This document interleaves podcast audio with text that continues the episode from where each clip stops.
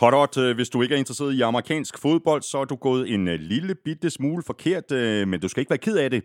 Du er nemlig så velkommen, og du lytter til NFL-showet, der er optaget live on tape og er produceret af Kvartrup Media i samarbejde med Tafel. Og oddset fra Danske Licensspil.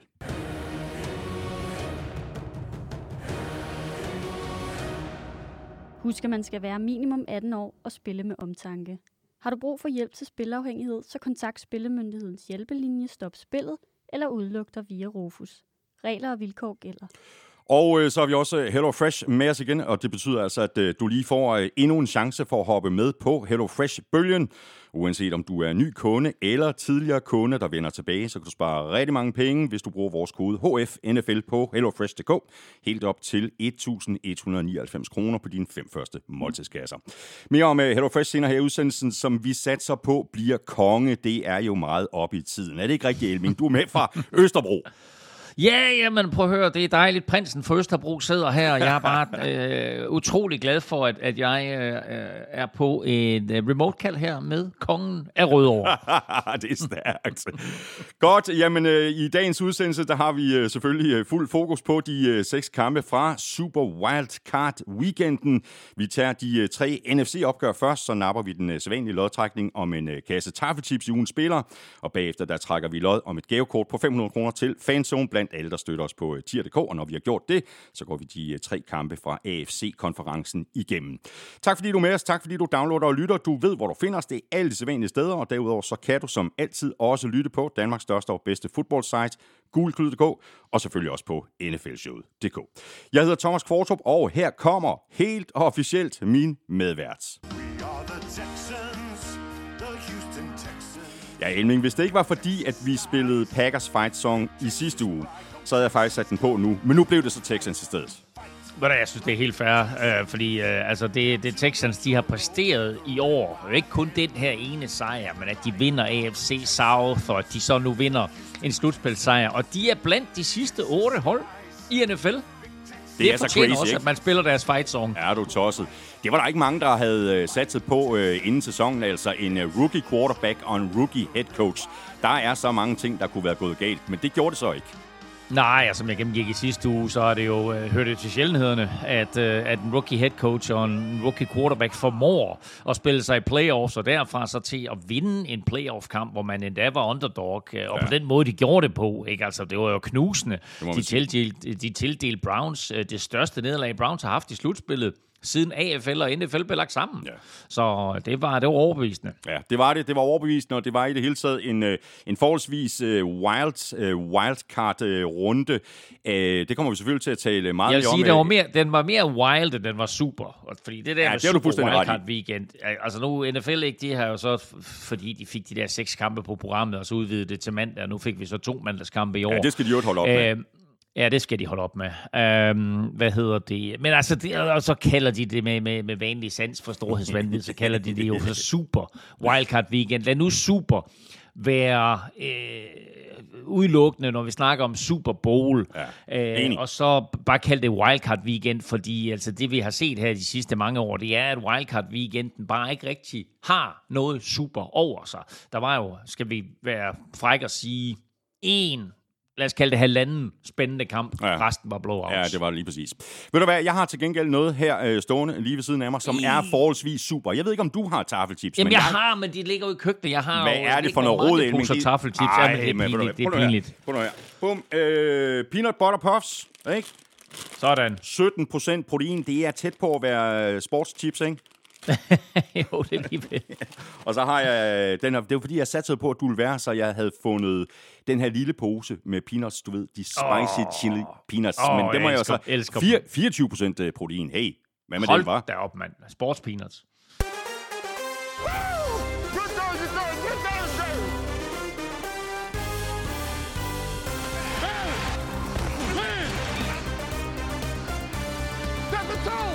Nedturen for Eagles fortsatte med nederlaget til Box. Packers overraskede i Jerry World, hvor Cowboys endnu en gang chokede. Texans slog Browns, Chiefs ordnede Dolphins, Bills tog sig Steelers, og Lions vandt over Rams.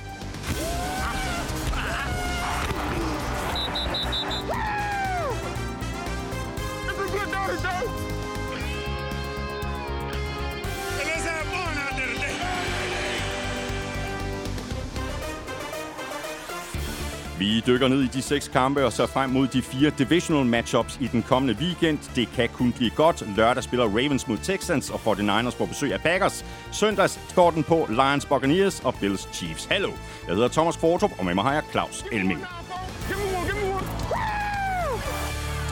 Og Elming, øh, lad os da bare lige lægge ud med sådan øh, en overordnet vurdering af den her wildcard-runde. Øh, Vi er jo allerede øh, gået lidt i gang, kan man sige. Men altså, der var der også et øh, par pænt store overraskelser imellem.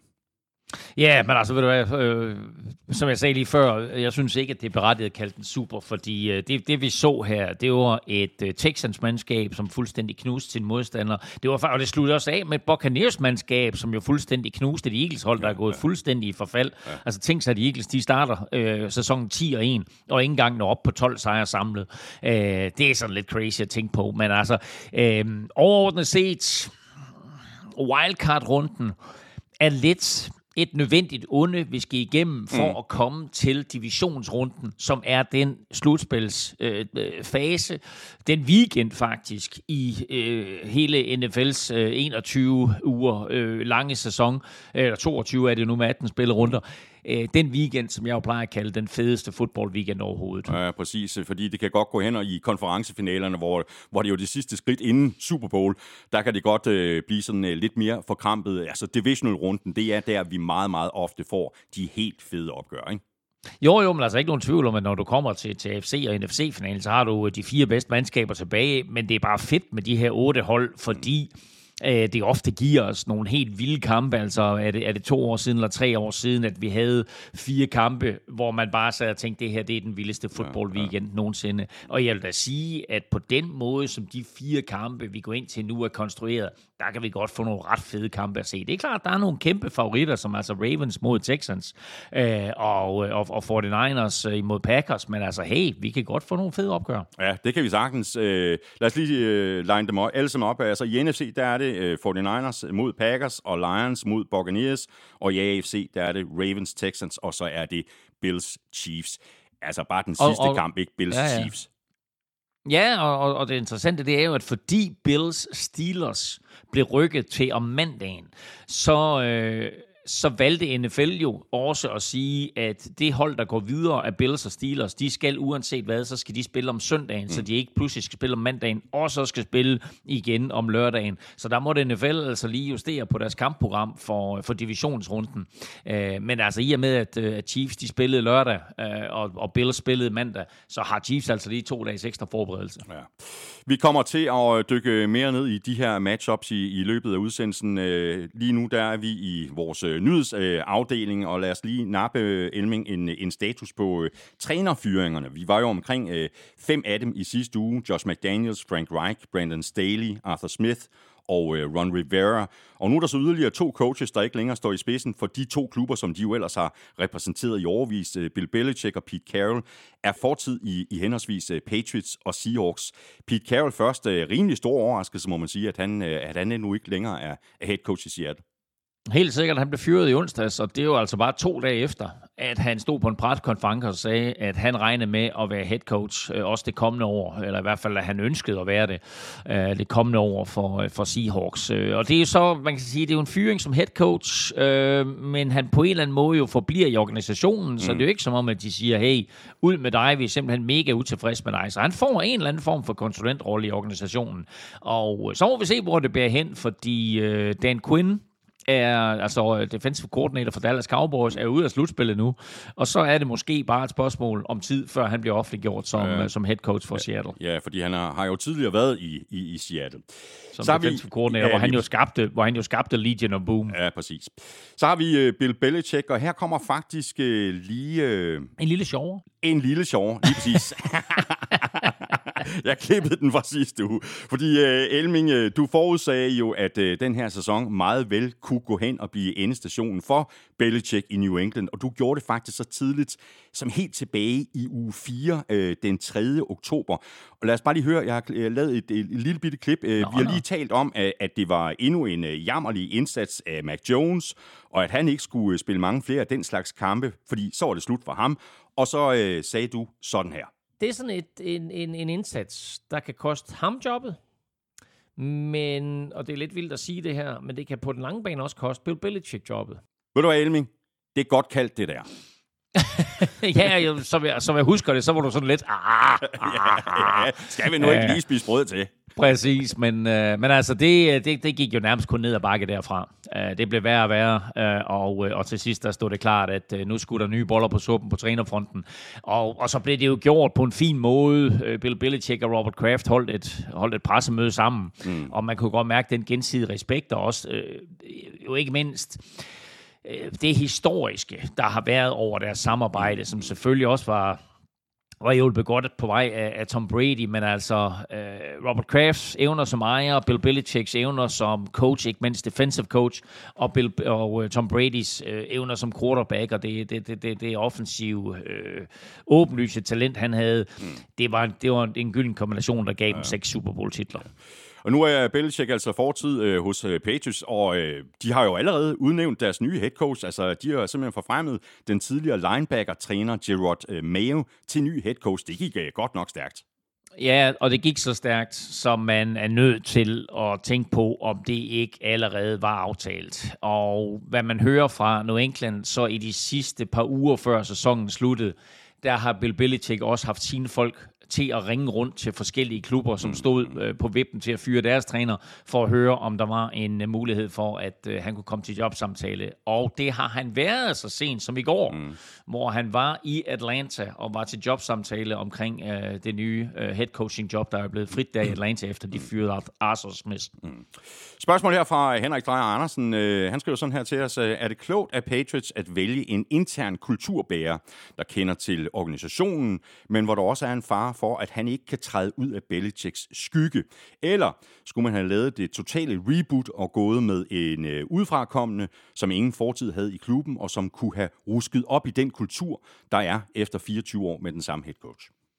Jeg tror, jeg tror faktisk, det er vigtigt at beholde den kultur, beholde the Patriot Way, øh, og, øh, og så måske lægge afstand til til noget af den øh, diktatur, øh, diktatorrolle, som, som øh, Belichick han har pålagt sig. Altså hvis man kan fortsætte the, the Patriot Way, og hvis man kan beholde den der kultur, mm. men samtidig måske, hvad skal vi sige, gøre hele stemningen lidt yngre, øh, være lidt mere en players coach, mm. Mm. så tror jeg, at Jared Mayo han kommer godt fra land. Mm. Nu har vi altså øh, seks åbne head coach øh, positioner, og hvis vi tæller Patriots med, så var der faktisk syv lige et øh, ganske kort øjeblik. Jeg kan simpelthen ikke huske, at der har været så mange tidligere. Ja, du skal faktisk ikke så lang tid tilbage. 2021. 2021, der var der seks fyringer og to head coaches, der trak sig tilbage. Okay. Så der var der faktisk, der var der faktisk otte. Øhm, og der kan man så sige, at de head coaches, der kom ind der, det var ikke head coaches, som, øh, som havde en lang karriere. Øh, det var blandt andet Urban Meyer, som øh, røg ud på, på røv og albu ja, efter halvanden ja. sæson, og der var flere andre coaches, som, som ikke er i ligaen længere. Men, øh, men så det sker. Og det man så kan sige, det er, nu har der været syv her. Men der er snak om, at Mike Tomlin måske trækker sig i øh, Pittsburgh, eller de måske endda fyrer ham. Der er også snak om, hvilket er lidt vildt, at Nick Sirianni er lidt på vippen mm. i, øh, i, i Philadelphia. Mm. Og øh, der er en tredje også, som jeg, jeg så øh, måske er på vippen. Og så er der Todd Bowles i Buccaneers, som selvfølgelig ikke bliver fyret øh, før det, sådan at... Øh, at de er ude af slutspillet. Men han er også lidt på vippen, så vi kan komme op på 9, 10, måske endda 11 øh, headcoach-åbninger, hvilket vil være fuldstændig vanvittigt. Ja, og, og alene det, altså hvis Mike Tomlin ryger i Pittsburgh, altså det, det er jo historisk i sig selv. Det er jo ikke ligefrem en organisation, der skifter uh, headcoaches, ligesom uh, andre de, øh, de skifter underbukser. Altså det vil være, være synd at sige. Ja. Overhovedet ikke. Altså det er, jo, det er jo det hold, der har haft færrest headcoaches ja. øh, siden øh, AFL og NFL blev slået sammen i, i eller siden den første Super Bowl dag 1967. Så det er, det, det, altså, og derfor så, altså, jeg ved ikke, hvad, hvad der er i den snak, men det, det er ligesom om, at der måske også skal andre boller på suppen der. Elming, i, i sidste uge, der talte vi jo øh, Pro Bowl. Vi talte om Pro Bowl snobs, altså spillere, som øh, måske godt kunne være blevet øh, prikket på skulderen og blevet sendt til Pro Bowl, men som altså blev snydt på stregen. Nu er øh, All-Pro-holdet så blevet øh, præsenteret, og det er, jo, det er jo noget andet end Pro Bowl. Det er noget andet end Pro Bowl. Det er 50 øh, skribenter fra hele USA, som, øh, som vælger de bedste spillere. Øh, og der må man sige, der er der også sådan øh, lidt mere... Øh, altså, det, det er knap så meget en popularitetskonkurrence. Det er de bedste af de bedste, der bliver valgt, og der bliver valgt et første hold, og der bliver valgt et andet hold, og man kan se øh, de her øh, to, øh, altså øh, første kæden og, og anden kæden, dem kan man se ind på Google Klud, ja. selvfølgelig. Øh, men altså, jeg vil da sige det på den måde, at øh, der var et par spillere, som stadigvæk øh, blev, øh, eller som, som ikke fik øh, Pro Bowl-æren, som så blev til gode set i All Pro, og der var der jo lige nøjagtigt Antoine Winfield Jr., ja, som, som vi talte om i sidste uge, ja. var blevet snobbet, og mm. han er så kommet ind. Den anden safety, og det er vel at mærke på All Pro første holdet, den anden safety, der kom ind på All Pro første holdet, det er Kyle Hamilton mm. fra Baltimore Ravens. Og det overrasker mig lidt, at han allerede nu har etableret sig selv som en, øh, en, en spiller i, altså top 2 safety i NFL. Så kan vi lige øh, her som øh, det sidste punkt inden quizzerne notere, at øh, nu er der blevet øh, sat navn på de første fire hjemmehold i, øh, i Europa her i den kommende sæson, altså 2024-sæson. Ja, super, super spændende. Øhm, der er øh, sat navn på de tre hold, der skal til London, og der er sat navn på det hold, der skal til München, og det er jo vel at mærke alle sammen fire hjemmehold, og i og med, at NFC-halvdelen har ni hjemmekampe i år, så er de tre af dem, øh, så er det altså fra NFC-halvdelen, det er den måde NFL kommer til at gøre det på. Og så er der Jacksonville Jaguars, som sådan er, er lidt sin egen størrelse, mm. fordi den kamp, de spiller i London, er faktisk noget, de selv arrangerer, og ikke noget NFL arrangerer. Så vi har altså øh, Jaguars hjemme på Wembley. Så har vi Bears hjemme i Tottenham, og vi har Minnesota Vikings hjemme i Tottenham. Øh, deres modstandere er der endnu ikke sat navn på. Og så har vi så Carolina Panthers, som er mega populære i Tyskland, og faktisk har sin egen kæmpestor øh, fanklub i Frankfurt. Og jeg havde egentlig forestillet mig lidt, at de måske skulle spille en hjemmekamp i Frankfurt, men de får altså en hjemmekamp i München. Og selvom der ikke er sat officielt navn på det hold, de skal møde, så ligger det uh, lidt mellem linjerne, at det bliver Kansas City Chiefs. Så man kan godt se frem til et møde på Allianz Arena til næste år mellem øh, Chiefs og, og, øh, og Panthers. Det glæder vi os allerede til. Nu kan vi se frem til quizzerne. Vi skal have quizzen! Åh. Oh. Det er tid til quiz, quiz, quiz, quiz, quiz. ja, Elming, hvad har du fundet frem til mig? Jamen, øh, vi var jo vidne til historie i weekenden, da Detroit Lions, de vandt. Øh, for lige at rige statistikken op, det var deres anden playoff-sejr på 66 år.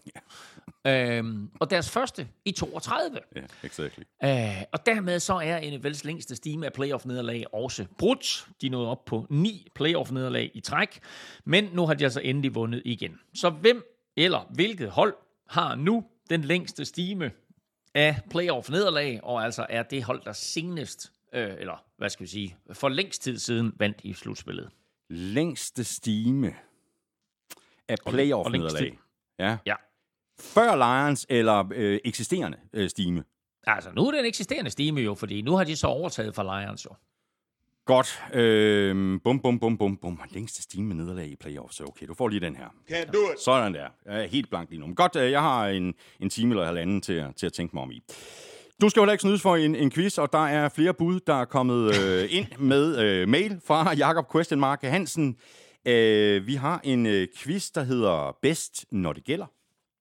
Så har vi en øh, quiz, der hedder NFL Not for Long. Og sidst men ikke mindst, så har vi en quiz, der hedder De bedste af de nye. Så tror jeg, jeg tager bedst, når det gælder. Det er ligesom det, det drejer sig om her i playoffs. Yes, jamen det er godt, men det er også en god quizzer. Øhm, Jakob han skriver sådan her. Patrick Mahomes var iskold eller brandvarm i weekenden på Arrowhead igennem hele sin karriere. Der plejer han at være rimelig kølig i slutspillet, og derfor har han vundet 12 slutspilskampe i sin tid i NFL. Vinder han igen, så rykker han højere op på listen over quarterbacks med flest sejre i playoffs. Kan du nævne de syv quarterbacks, der har flere slutspilssejre end Mahomes? Mm, sjov quiz. Jeg kan da give et forsøg i hvert fald. Ja, altså, ikke, du kan komme på nogen. Syv quarterbacks. Syv, ja. Der og, har og hvor mange flere. sejre, hvor, og hvor mange var Holmes, hvor mange sejre op på, var øh, op på 12. Wow, det er alligevel også mange. Ja. Det er gået stærkt, okay, ikke? fint. Ja, det er godt. Jeg vil prøve. Yes. Jamen, øh, glimrende, vi vender tilbage til quizzerne i slutningen af udsendelsen, ligesom vi plejer at gøre. Lige nu, der tager vi hul på øh, kampene, og vi tager altså NFC-kampene først. Og når, når vi har talt om de øh, tre kampe, så ser vi frem mod de to matchups i uh, divisional-runden og zoomer ind på, hvad de enkelte hold så skal gøre for at vinde. Og det gør vi selvfølgelig også med øh, uh, AFC-holdene, som vi går igennem på den anden side af ugens spiller.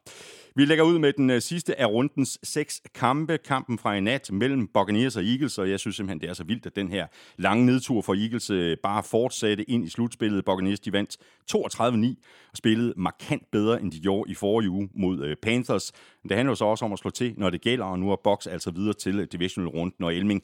Uh, hvis nu den her kamp den var blevet spillet i søndags, så havde mm. Baker Mayfield da i den grad været spil uh, her hos os til at kunne blive nomineret til ugens spiller.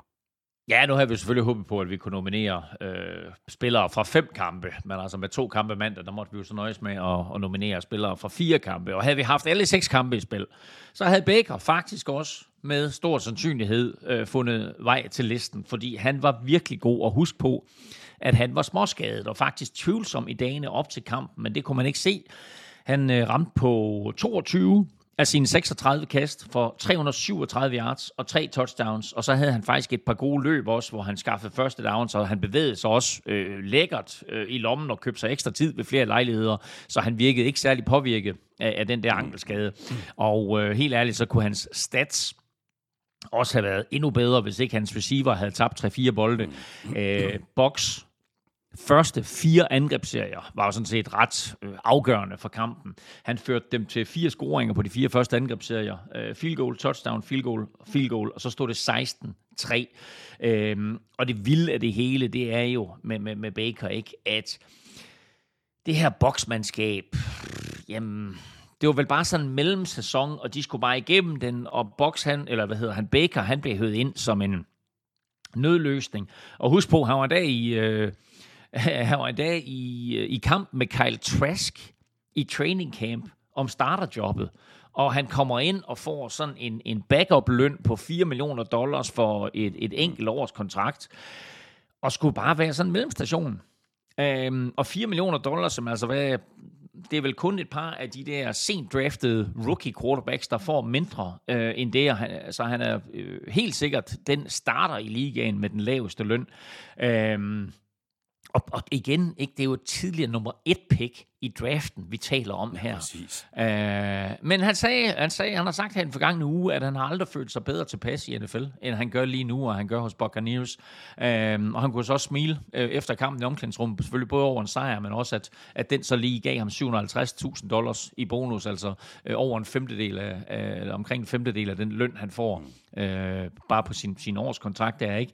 Stadigvæk røvbilligt, og så er der en vis sandsynlighed for, at, at, at med den måde, han har spillet på i år, og den her slutspilsejr, at så casher han ind efter sæsonen, øh, får en stor kontrakt igen, og jeg kunne da godt forestille mig, at øh, Box de vil være interesseret i at, at beholde ham i truppen. Ja.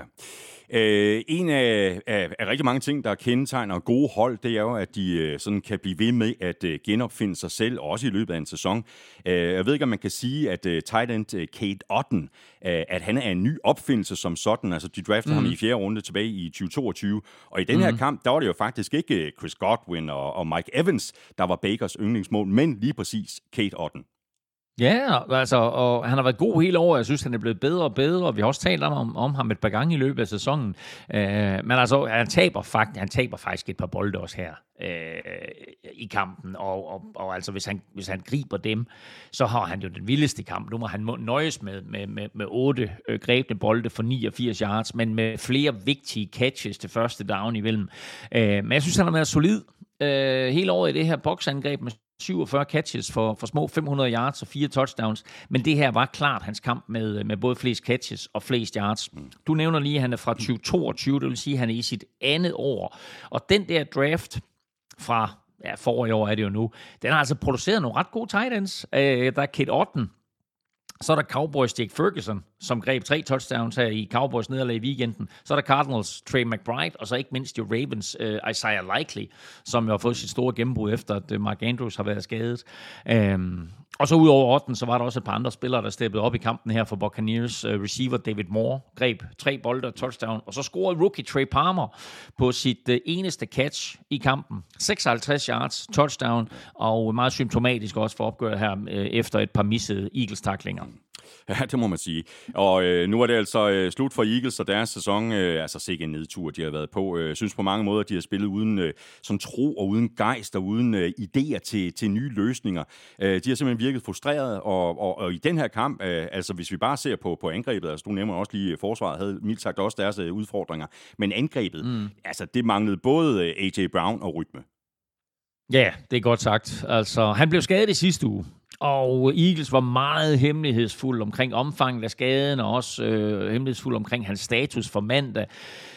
Og husk på, fordi de spillede mandag, så havde de jo faktisk en ekstra dag til at få gjort ham klar. Men øh, søndag, der måtte de så øh, melde ud, at han var endegyldigt ude af kampen. Og øh, jeg ved ikke, om det havde gjort en forskel, men det var da helt tydeligt, at Jalen Hurts savnede receiver, der kunne løbe sig fri. Mm. Og det hjalp jo heller ikke, at øh, Julio Jones udgik med en øh, hjernerystelse. Så både spilleren med 1-1 på brystet og spilleren med 0-0 på brystet manglede i angrebet. Øh, og det betød jo, at The Slim Reaper, Devontae Smith, fik ja, nærmest alle bolde øh, kastet i sin retning, og var den eneste, der sådan rigtig kunne producere. Øh, var det eneste sådan rigtig våben øh, for Eagles. Løbeangrebet var ikke eksisterende. 15 løb for 42 yards inklusiv bare et enkelt løb for 5 yards af Jalen Hurts, hvor hele det aspekt øh, af angrebet forsvundet hen. Øhm, box defensiv linje, og i det hele taget box gameplan øhm, var overbevisende, og den defensive linje øh, dominerede kampen, og, og dominerede også Eagles offensive linje, hvilket er noget, vi meget, meget sjældent har sagt i de seneste 3-4 år. Ja. Hvis, øh, hvis der er noget, der bare øh, funkede tidligere på sæsonen, øh, nærmest så sikkert som ammen i kirken, så var det jo øh, Eagles og deres øh, tush-push. Hvad skete mm. der lige med den der two-point øh, ja. tush-push? Eagles blev stoppet.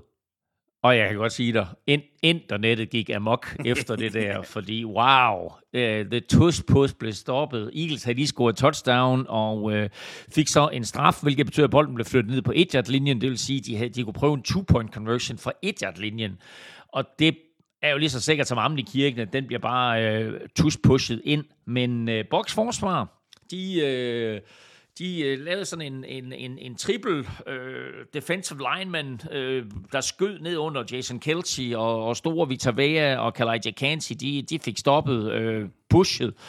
Og så i stedet for, så kom der en, en Buccaneers-spiller rundt om og fik øh, hævet øh, Jalen Hurts bagud, øh, inden han ligesom selv kunne kunne katapultere sig, sig selv fremad, eller møve sig fremad, som han plejer. Og så lige pludselig, og der var vist nok en face mask også på den der, men valgte dommerne overse, fordi de godt var klar over også, at det her, det er historisk. øh, så de havde faktisk i løbet af sæsonen konverteret 93 procent af deres brotherly shoves. Ja. Men, øh, men her der blev de altså stoppet. Og øh, og det var på en eller anden måde også bare symptomatisk for deres aften, og også på afslutningen øh, for, for, på, på sæsonen. For, jeg skulle lige fordi, til at sige det, at når ikke engang uh, tuspus virker længere, så er, der ikke, så er der ikke mere tilbage, vel? Jamen det her, det her, det var et hold, der ikke var i synk. Uh, Jalen Hurts laver den der totale no-no mm. med at bakke ind i sin egen endzone og blive sækket for en safety, eller der, prøvede faktisk på at kaste bolden væk, og så være dømt for intentional grounding, men altså om det var grounding eller det var sack, det var, det var fuldstændig tåbeligt af ham. Mm. Uh, deres defensiv linje, som lavede 70-6 sidste år, var en skygge af sig selv, og det har den været det meste af sæsonen. Deres linebacker-gruppe har været horrible hele året, og, og værst af alt, ja, det var lige kort inde på det, øh, de er elendige taklere alt for mange missede takler i den her kamp, og flere af dem førte jo til store spil og endda touchdowns. Og øh, en gammel floskel i fodbold siger jo, øh, eller i NFL siger jo, football is a game of running and tackling. Mm. Og uh, Eagles, de gjorde ingen af delene mandag nat, så uh, som Buccaneers Somi team, de skrev, Bye, Eagles, bye. Åh, det er også ondt, ikke? Men uh, summa summarum, Eagles sæson er altså slut, og de har pick nummer 22 i draften. Buccaneers, de er videre, og de spiller ude mod Lions. Fordi Lions, de er nemlig også videre, efter at de slog Rams og det her, det var nok øh, den vigtigste kamp i karrieren for Jared Goff, øh, der jo altså her fik sin hævn over Rams, og ikke mindst over Sean McVay, der sendte ham afsted til Detroit for i stedet at øh, satse på Matthew Stafford, og det trade øh, gav jo også Rams en Super Bowl, men her lykkedes det altså ikke for Stafford at øh, trække det længste strå på sin gamle hjemmebane. Lions levede nemlig op til øh, favoritværdigheden og vandt en, en super spændende kamp øh, med 24-23, og lad os da bare lige lægge ud med øh, Jared Goff, Elming, øh, som vi jo også nominerede til ugens spiller, og her kan vi vel roligt sige, med god grund. Ja, altså øh, vigtig kamp selvfølgelig for Jared Goff, og øh, han var fra start på ingen måde påvirket af nerver eller af alt den virak, der har været omkring øh, hans møde med Stafford øh, og hans møde med Rams igen. Øh, han kom ud som lyn og torden og var brandvarm i første halvleg, hvor han ramte på sine første øh, 10 kast og førte Lions til touchdown på de første tre angrebsserier. Øh, som vi lige var inde på i quizzen også, ikke? det var over 30 år siden, at øh, Lions sidst havde haft en hjemmekamp i slutspillet. Og det kunne man høre på, øh, på, på, på hjemmepublikummet, der har skabt en vild stemning. Øh, head coach Dan Campbell sagde efterfølgende som noget af det første på sin preskonference, at øh, det var øh, noget af det vildeste, øh, han havde oplevet i sin tid i NFL. Og... Øh, den der alarm, der den tog til efterhånden, som, som første halvleg skred frem, og Goff og Lions blev ved med at score. Øhm, de åbnede kampen med et 75-yard øh, touchdown drive, efterfulgt af touchdowns til de to rookies, øh, Jameer Gibbs og tight end Sam Laporta, som glædeligt og øh, nærmest mirakuløst jo blev sin skade kvidt fra, fra, fra sidste uge. Øhm, og så gik Goff faktisk sådan lidt i stå, og øh, havde et par tvivlsomme øh, plays, inden øh, kampen ligesom fandt sin afgørelse. Og der leverede han så øh, igen til gengæld et par super vigtige spil, som ikke får sådan nogen større plads i historien, men som bare var med til at afgøre kampen. Lions får jo bolden. Øh, og det siger, med... jo også, det siger jo også noget om uh, tiltroen til Jared Goff, fordi da uh, det ligesom skal afgøres, jamen der var ikke ja. nogen, der havde rynket bryn, hvis, uh, hvis der var blevet kaldt tre løbespil. Nej, de gav bolden Nej, jamen, i hånden på Jared Goff og siger, præcis. godt, så klarer du ærterne. Lige nøjagtigt, og det er nemlig en god pointe, det der viser også noget omkring den Campbells mod, fordi de er jo bagud 24, eller de er jo foran 24-23, og får bolden tilbage med 4 minutter og 15 igen. Øh, og den gamle Goff øh, vil være gået tre ud, øh, og en mere konservativ coach ville have kaldt tre løbespil og sagt, nu skal vi brænde noget tid af klokken. Ja, præcis. Men uh, Campbell, han øh, holdt fast i sin aggressivitet og mm. kaldte kast, og Goff han udførte dem, og ikke øh, noget større kast end, end, end det på anden og ni, som øh, gav en, en første down med to minutter igen, hvor han selvfølgelig kaster til med Russell Brown, og øh, fra det punkt af, der var Rams uden timeouts, og så kunne Goff tage tre knæ. Lions videre i slutspillet efter deres første playoff-sejr siden 1992. Ja, lige præcis. Det er på, øh, på alle måder en historisk sejr for Lions. Altså hold nu op en, en ørkenvandring, øh, de har været ude på altså her de seneste 32 år. Mm. Og nu er de altså kun en enkelt kamp, en enkelt sejr fra at stå i konferencefinalen. Jeg ved godt, øh, at vi har rost head coach Dan Campbell tidligere, men han virker altså til at have været den helt rigtige mand på det mm. helt rigtige tidspunkt for den her organisation. Og oven i det, så har Lions så øh, også draftet stærkt, og, og i det hele taget, så sådan ser det i hvert fald ud øh, udefra, så ser det ud til, at de dybest set bare har gjort alle de rigtige ting for at bygge op nedefra. Ja, og de har også været hjulpet øh, af den der Stafford Goff-handel, øh, som jo for det første selvfølgelig gav dem en quarterback i form af Jared Goff. Øh, en quarterback, som de fleste jo regnede med var skrammel, øh, men som bare har vist sig som en, en, en langtidsløsning, mm. frem for bare sådan en midlertidig løsning. Men de har også fået spillere, øh, via de draft picks, der er fulgt med i den handel der, som safety Brian Branch, øh, de har fået et par pass rusher, og de har faktisk også fået, fordi de traded lidt her i, i den forgangne draft, der lavede de jo en trade, som så øh, i bund og grund gav dem både øh, running back Jameer Gibbs og tight end Sam Laporta, og faktisk også øh, Jameson Williams der for i år. Så det er jo, det er jo nogle sindssygt vigtige spillere, som, som de har fået ind i truppen her. Og så har de jo i, i Dan Campbell også fået en coach, som jo både er passioneret, øh, afholdt i omklædningsrummet, overraskende, skarp taktisk, og så, som vi har talt om et par gange, jo, jo modig. Ja. Øh, jeg, jeg synes, øh, jeg synes, der er et play, eller en situation, som ikke bliver talt nok om, og som jeg faktisk også skrev om i min artikel på Gud Klud. Fordi Rams kommer tilbage i den her kamp, og de reducerer til 24-23, og de har faktisk momentum på det her tidspunkt, og de har også bolden, og de er kommet inden for field goal afstand, øh, og kan bringe sig foran med et succesfuldt spark. Men øh, Stafford kaster incomplete på tredje down, og Rams begår på samme play en holdingstraf. Der tror jeg, at mange head coaches ville have afvist straffen og tvunget Rams til at forsøge et 52-yard field goal med kicker Brett Maher, som er rimelig ustabil og som mere eller mindre er kommet lige ind fra gaden. Men øh, det gjorde Dan Campbell ikke. Han accepterede straffen og sendte Rams 10 yards tilbage, og stolede på, at hans forsvar kunne stoppe Matthew Stafford. Og det viser sig at være en god beslutning, fordi Stafford kaster i retning af Puka Nakua, men uh, Lions forsvar var på plads og får bolden slået ned incomplete, og i stedet for et field goal forsøg, som kunne være blevet ramt eller ikke blevet ramt, så er Rams tvunget til at ponte. Og det gør de der med, med lidt over fire minutter igen. Øh, og så ser Rams aldrig bolden igen. Øh, og så har vi den der situation, som beskrevet før. Øh, og så kan Goff lade sig hylde, mm. velvidende, at han både har sendt Rams ud, har sendt Lions videre, og selv fået en sød hævn over ja. Sean McVay og den klub, der jo rent faktisk draftede ham som nummer et i 2016. Mm. Og det her, altså manden på den anden side af den her trade, uh, Matthew Stafford, det har selvfølgelig været, været helt perfekt for ham, hvis han lige kunne have, have fået den her uh, sejr. Han, uh, han gjorde, hvad han kunne, synes jeg. Spillede en rigtig flot kamp, uh, completed 25 af 36 for 367 yards. Viste sig mm. endnu en gang som sådan en rigtig fighter, der bare ikke sådan lige er til at, at slå ud. Han fik altså et par store skrald undervejs, så kæmpe respekt til, til Stafford.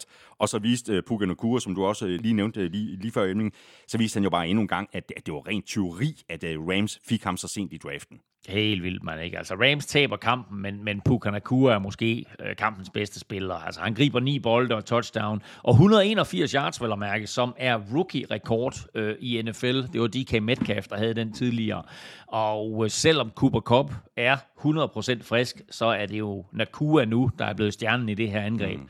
Øh, hans vigtigste kvalitet er næsten at få yards efter han har grebet mm. bolden. Øh, gang på gang, der bryder han jo lige den første takling, og så er der altså masser af yards i ham bagefter.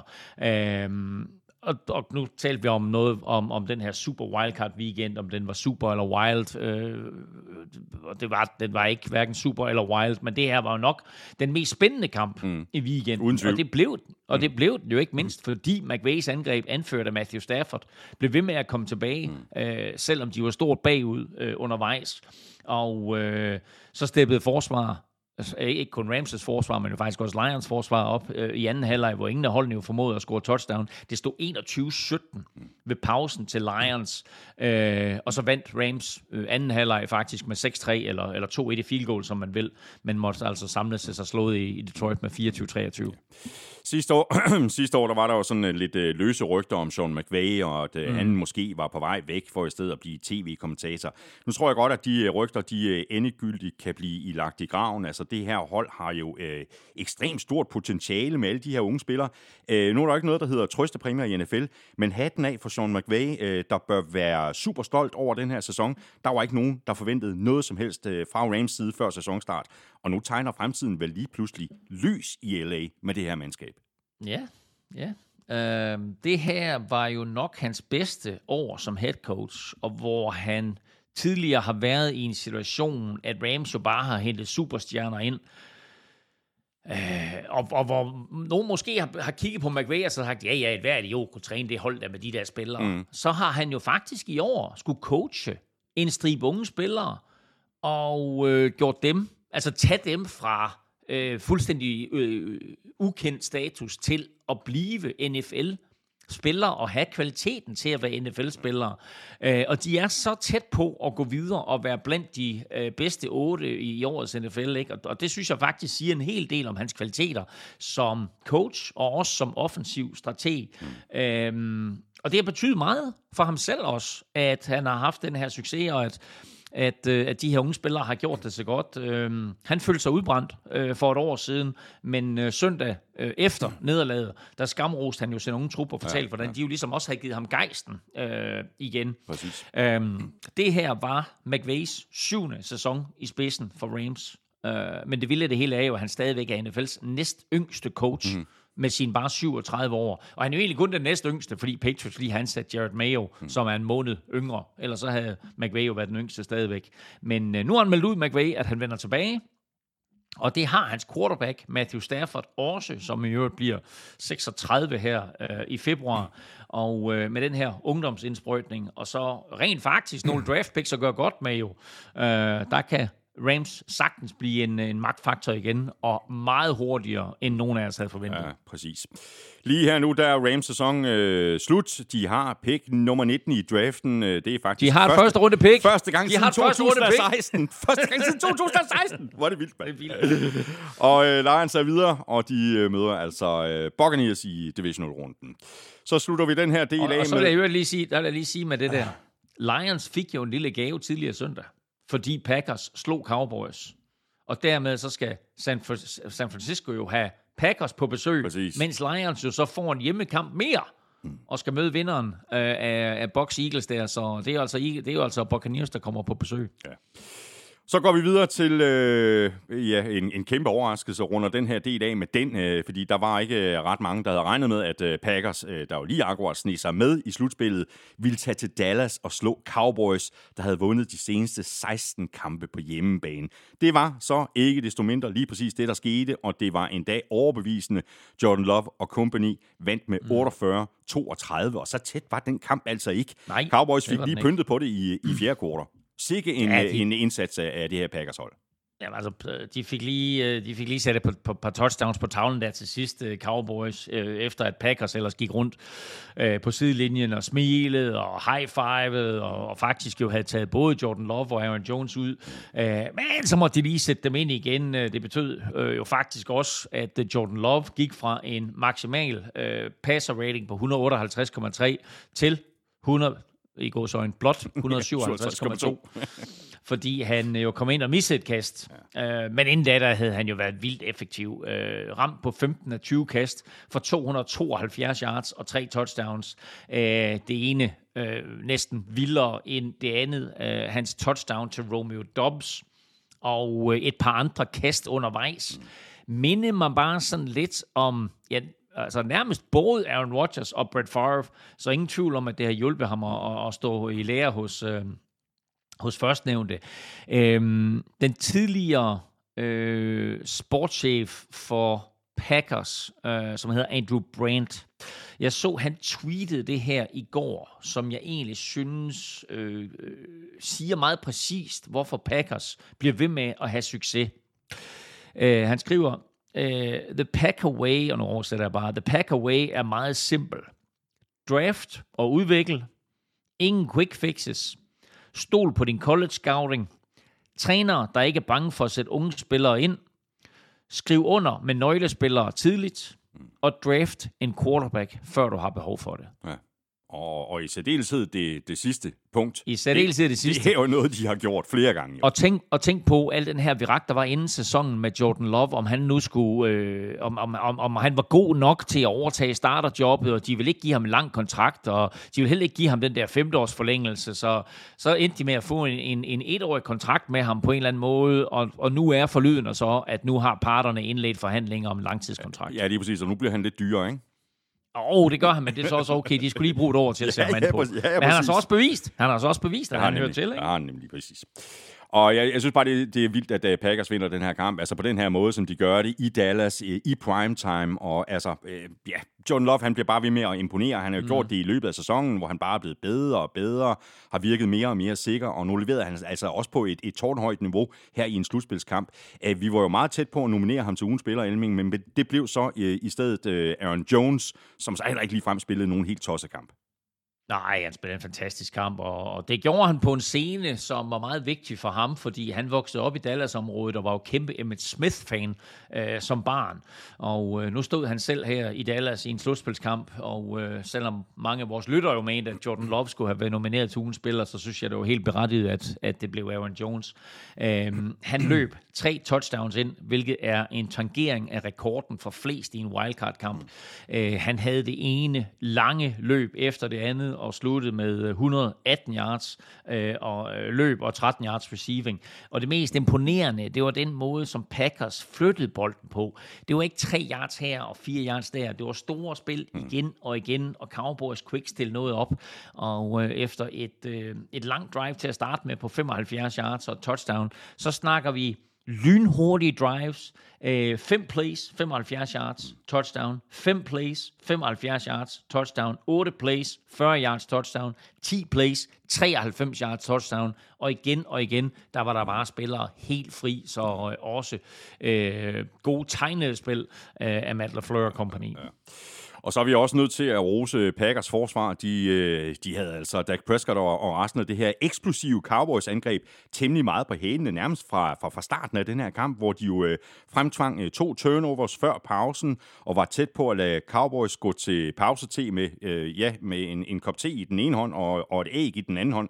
Øh, de, de fik så de reduceret til 27-7 før pausen, så det, så det øh, undgik de altså. Men øh, er det her credit til øh, Packers defense og deres øh, defensive koordinator Joe Barry, der ellers har været sådan lidt udskilt i løbet af sæsonen, eller havde Dak Prescott og company simpelthen bare undervurderet modstanderen?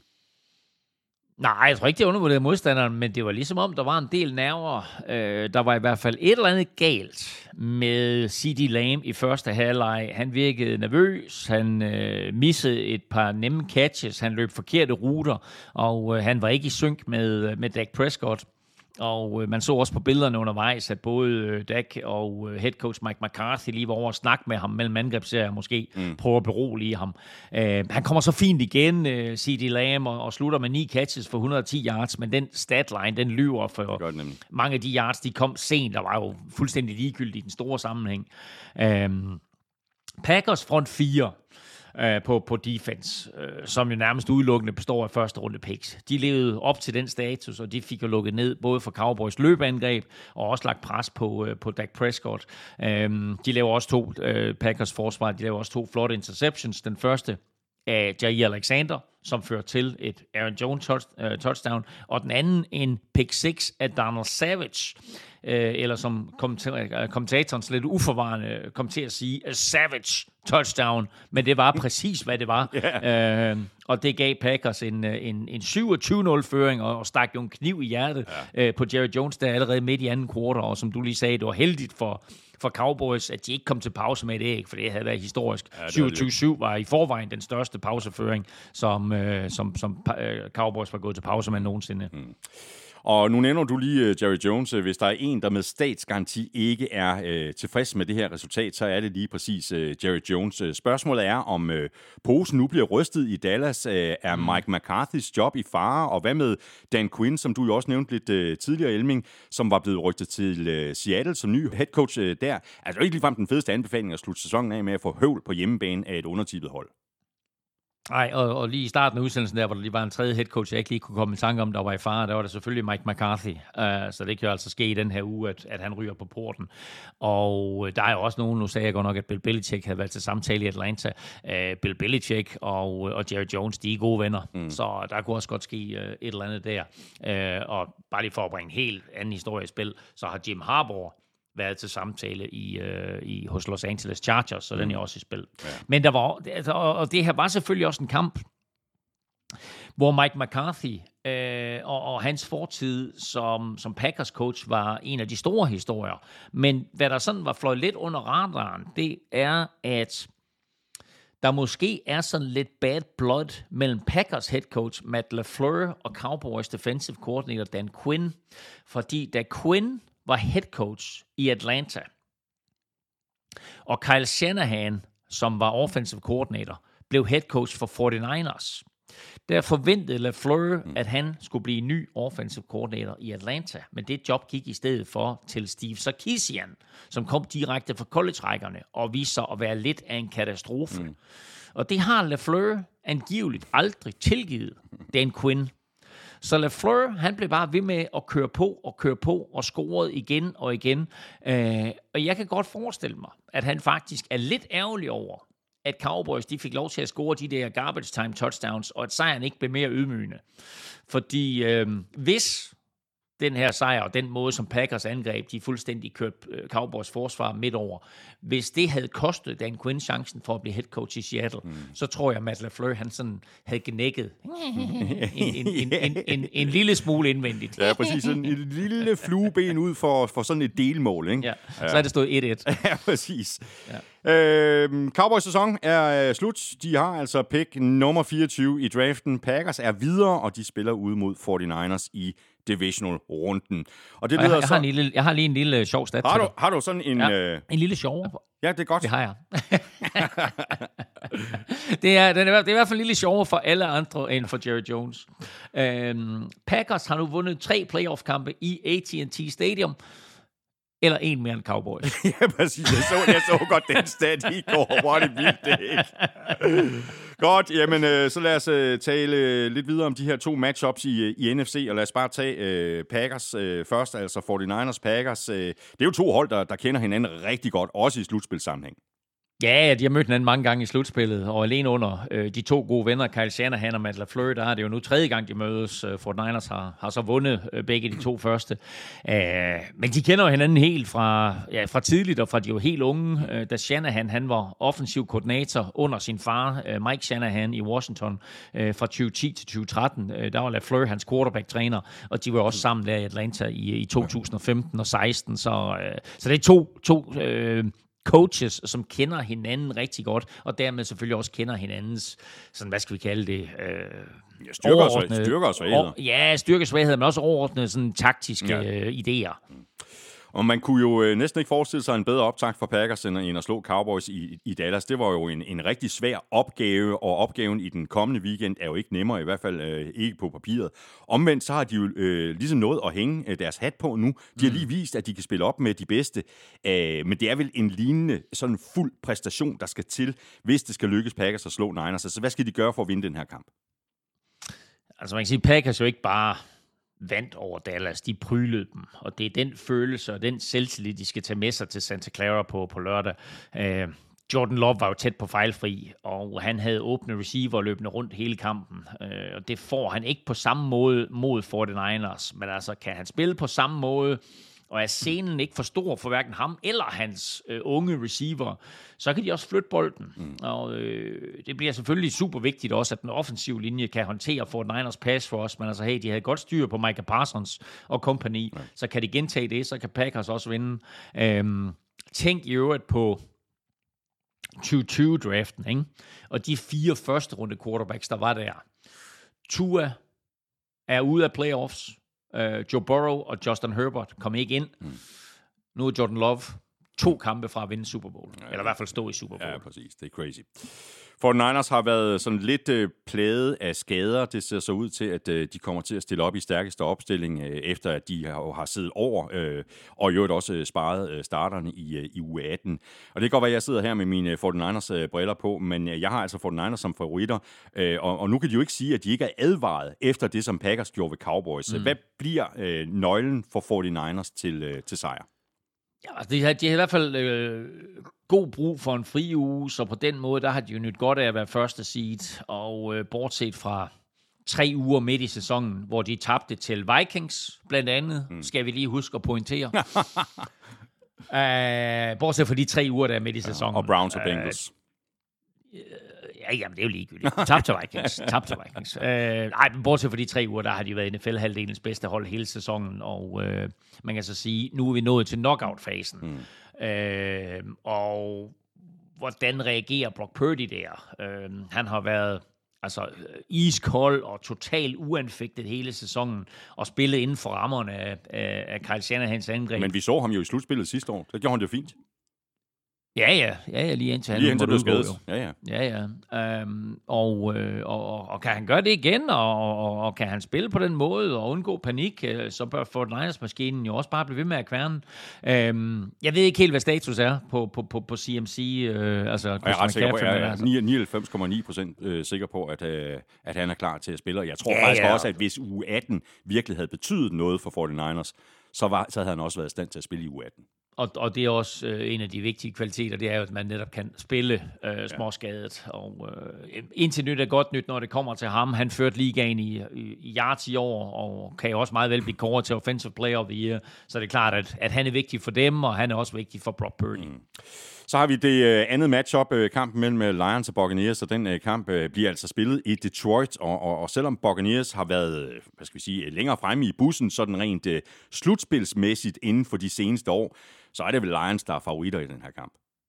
Ja, ja, selvfølgelig er det det. Øh, og, og de her hjemmebane, som jeg lige sagde tidligere, ikke? altså en, en lille gave til dem, at, at de faktisk får ikke bare én hjemmekamp øh, i slutspillet med to. Og øh, med det der ekstatiske, øh, øh, slutspilshungrende øh, Lions publikum i ryggen, der vil de jo blive båret frem øh, igen. Men øh, man skal også bare lægge mærke til, at, at Box lige har slået Eagles, som øh, de tabte stort til i grundspillet, og nu møder de så Lions, som de også tabte til, øh, forholdsvis komfortabelt i, i grundspillet med 20-6 tilbage i u 6. Øh, I den kamp, der kastede Jared Goff for 353 yards og to touchdowns, mens øh, Amon Ross St. Brown greb 12 bolde for 124 yards og touchdown. Så Box ved i hvert fald godt, hvor de skal kigge hen, ja. hvis øh, rematchen her, den skal have et andet udfald. Hvis øh, Lions skal fortsætte den her optur, som den her sæson jo har været, øh, hvad er så det primære fokus for øh, Dan Campbell og company? Altså, øh, det er vel øh, nærmest at fortsætte med at spille fodbold på den måde, som de har gjort indtil nu. Altså, Lions virker til at være et hold, der spiller for at vinde. Det er ikke et hold, mm. der er mhm. bange for at tabe. Nej, og det er fordi, de, ikke, det er fordi de, de har en træner, som ikke er bange for at tabe. Mm. Altså, han tager nogle chancer undervejs, og, og, og som ofte så går det godt. Øh, jeg tror, jeg tror, han skal være en kende mere konservativ på søndag. Øh, bare fordi det er slutspil og sådan noget. Og, øh, men ellers så er det jo bare at fortsætte øh, i, ja. i samme tempo. Altså øh, Lions angrebet med Jared Goff og, og hans kombination af, af, af unge stjerner og erfarne spillere, og måske jo faktisk nok mm, den bedste eller næstbedste offensiv linje, der er tilbage i playoffs. Øh, kombinationen af alt det der, øh, det betyder, at de skal bare blive ved med at trykke på. Mm. Øh, de skal bare blive ved med at være aggressive. Øh, og så skal forsvaret jo spille øh, lige så brutalt og være lige så effektive i red zone, øh, som de var i weekenden, hvor de jo holdt Rams fra touchdown i wildcard-kampen der. Øh, og så lad os sige, så bliver det spændende at se, hvad et sådan til tider porøst kasteforsvar gør mod typer som øh, Mike Evans og mm. Chris Godwin og Kate Otten og alle de andre. Ja, ja. Hvad bliver så nøglen for, øh, for Buccaneers, hvis de skal vinde den her kamp, udover at øh, Baker Mayfield selvfølgelig skal levere sit A-game? Ja, han skal selvfølgelig levere det spil, vi så i aftes, øh, og ikke det spil, vi så i, i spil u 17 og 18 af grundspillet. Og samtidig så skal forsvaret blive ved med at spille på et, et, et højt niveau, øh, hvor de jo faktisk, synes jeg, er blevet bedre og bedre den seneste måned, og hvor især deres blitzes og, og femmandfronts øh, skabte store problemer øh, for Eagles. Og kan de gøre det samme mod Lions, så kan de tvinge Goff til et par fejl undervejs, og han har jo Altså, han har jo sådan et eller to tåbelige spil i sig hver kamp, og øh, kan, kan, kan Buccaneers få noget ud af dem, og kan de fremtvinge måske tre eller fire, så kan de også levere overraskelsen. Men øh, de er kæmpe underdogs, og det vil være lidt en sensation, hvis de vinder og pludselig står i NFC-finalen. Ja. Lige om lidt, øh, der går vi øh, AFC-opgørende igennem og ser frem mod de to AFC Divisional kampe.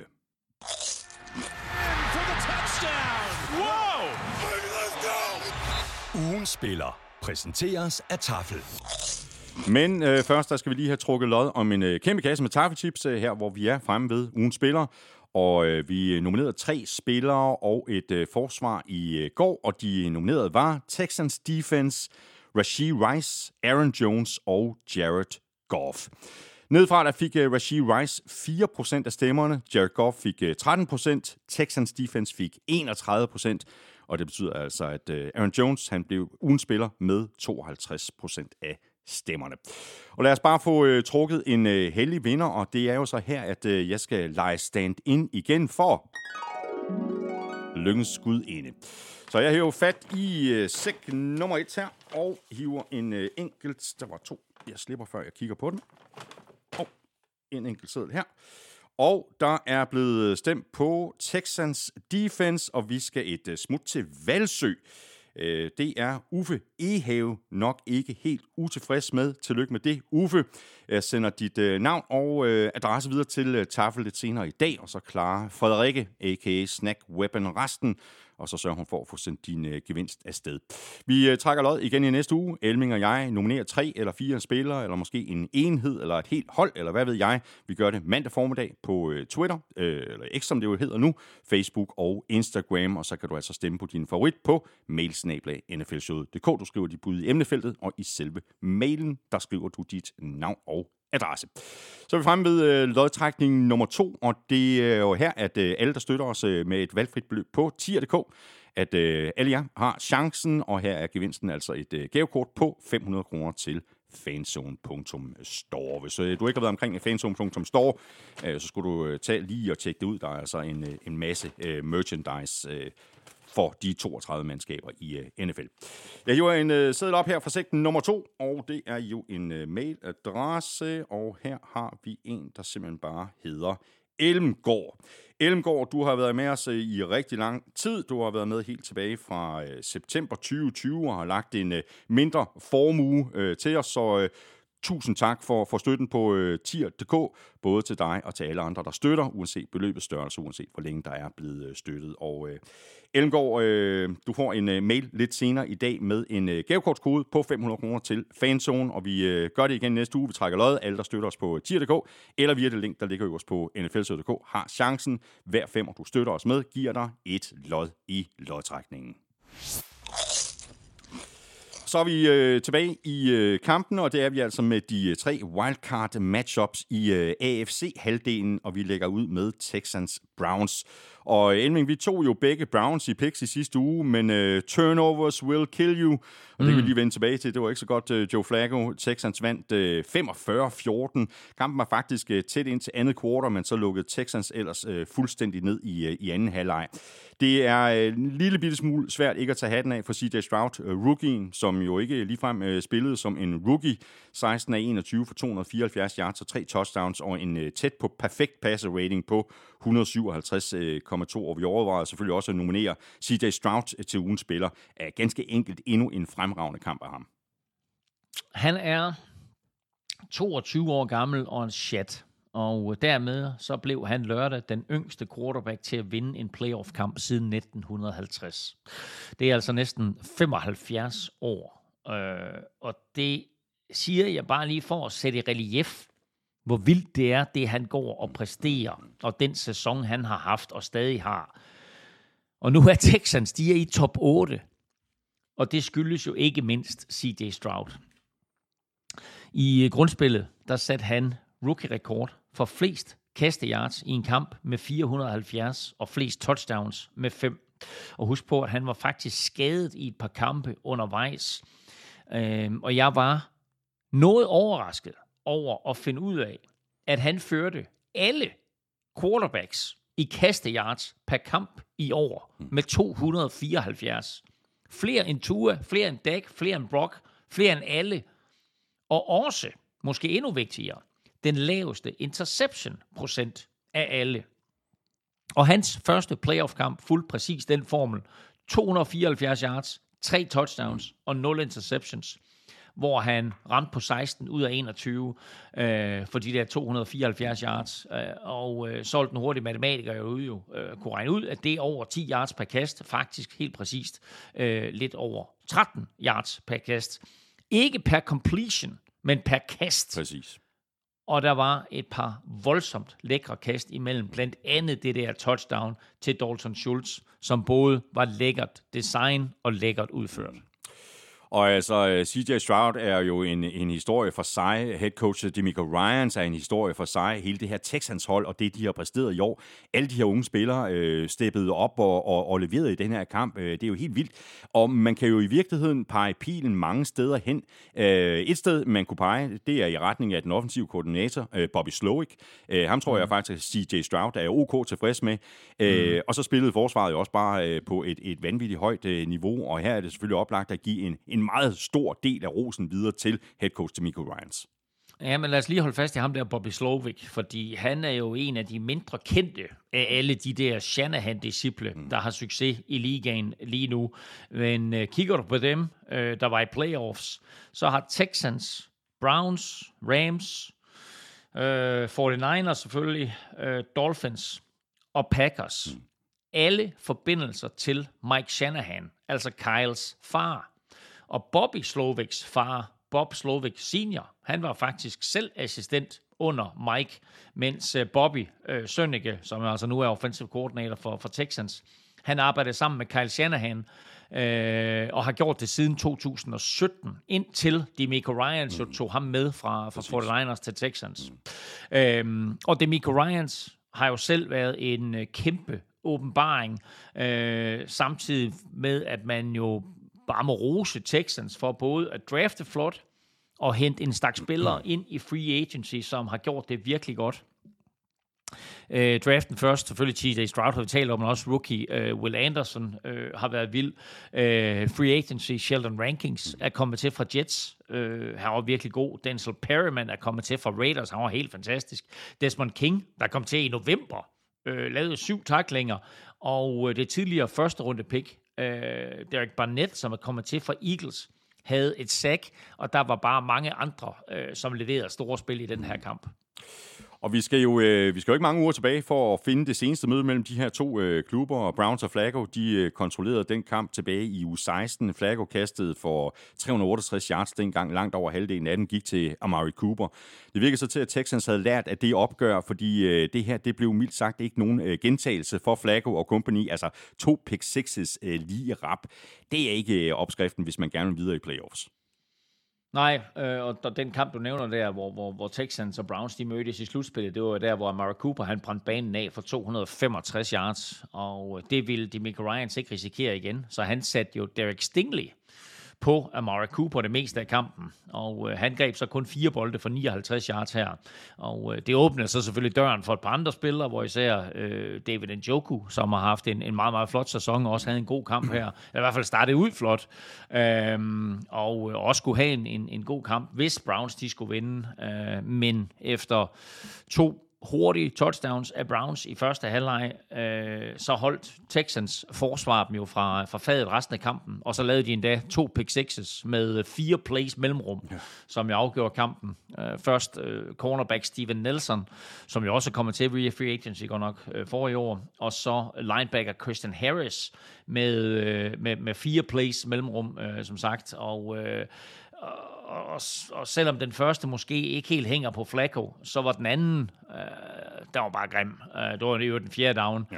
og, og den afgjorde jo så kampen. Og afgjorde måske faktisk også øh, Joe Flaccos videre skæbne i NFL, øh, selvom han efter sit comeback her jo havde håbet på at få i hvert fald et par år mere i ligaen. Ja.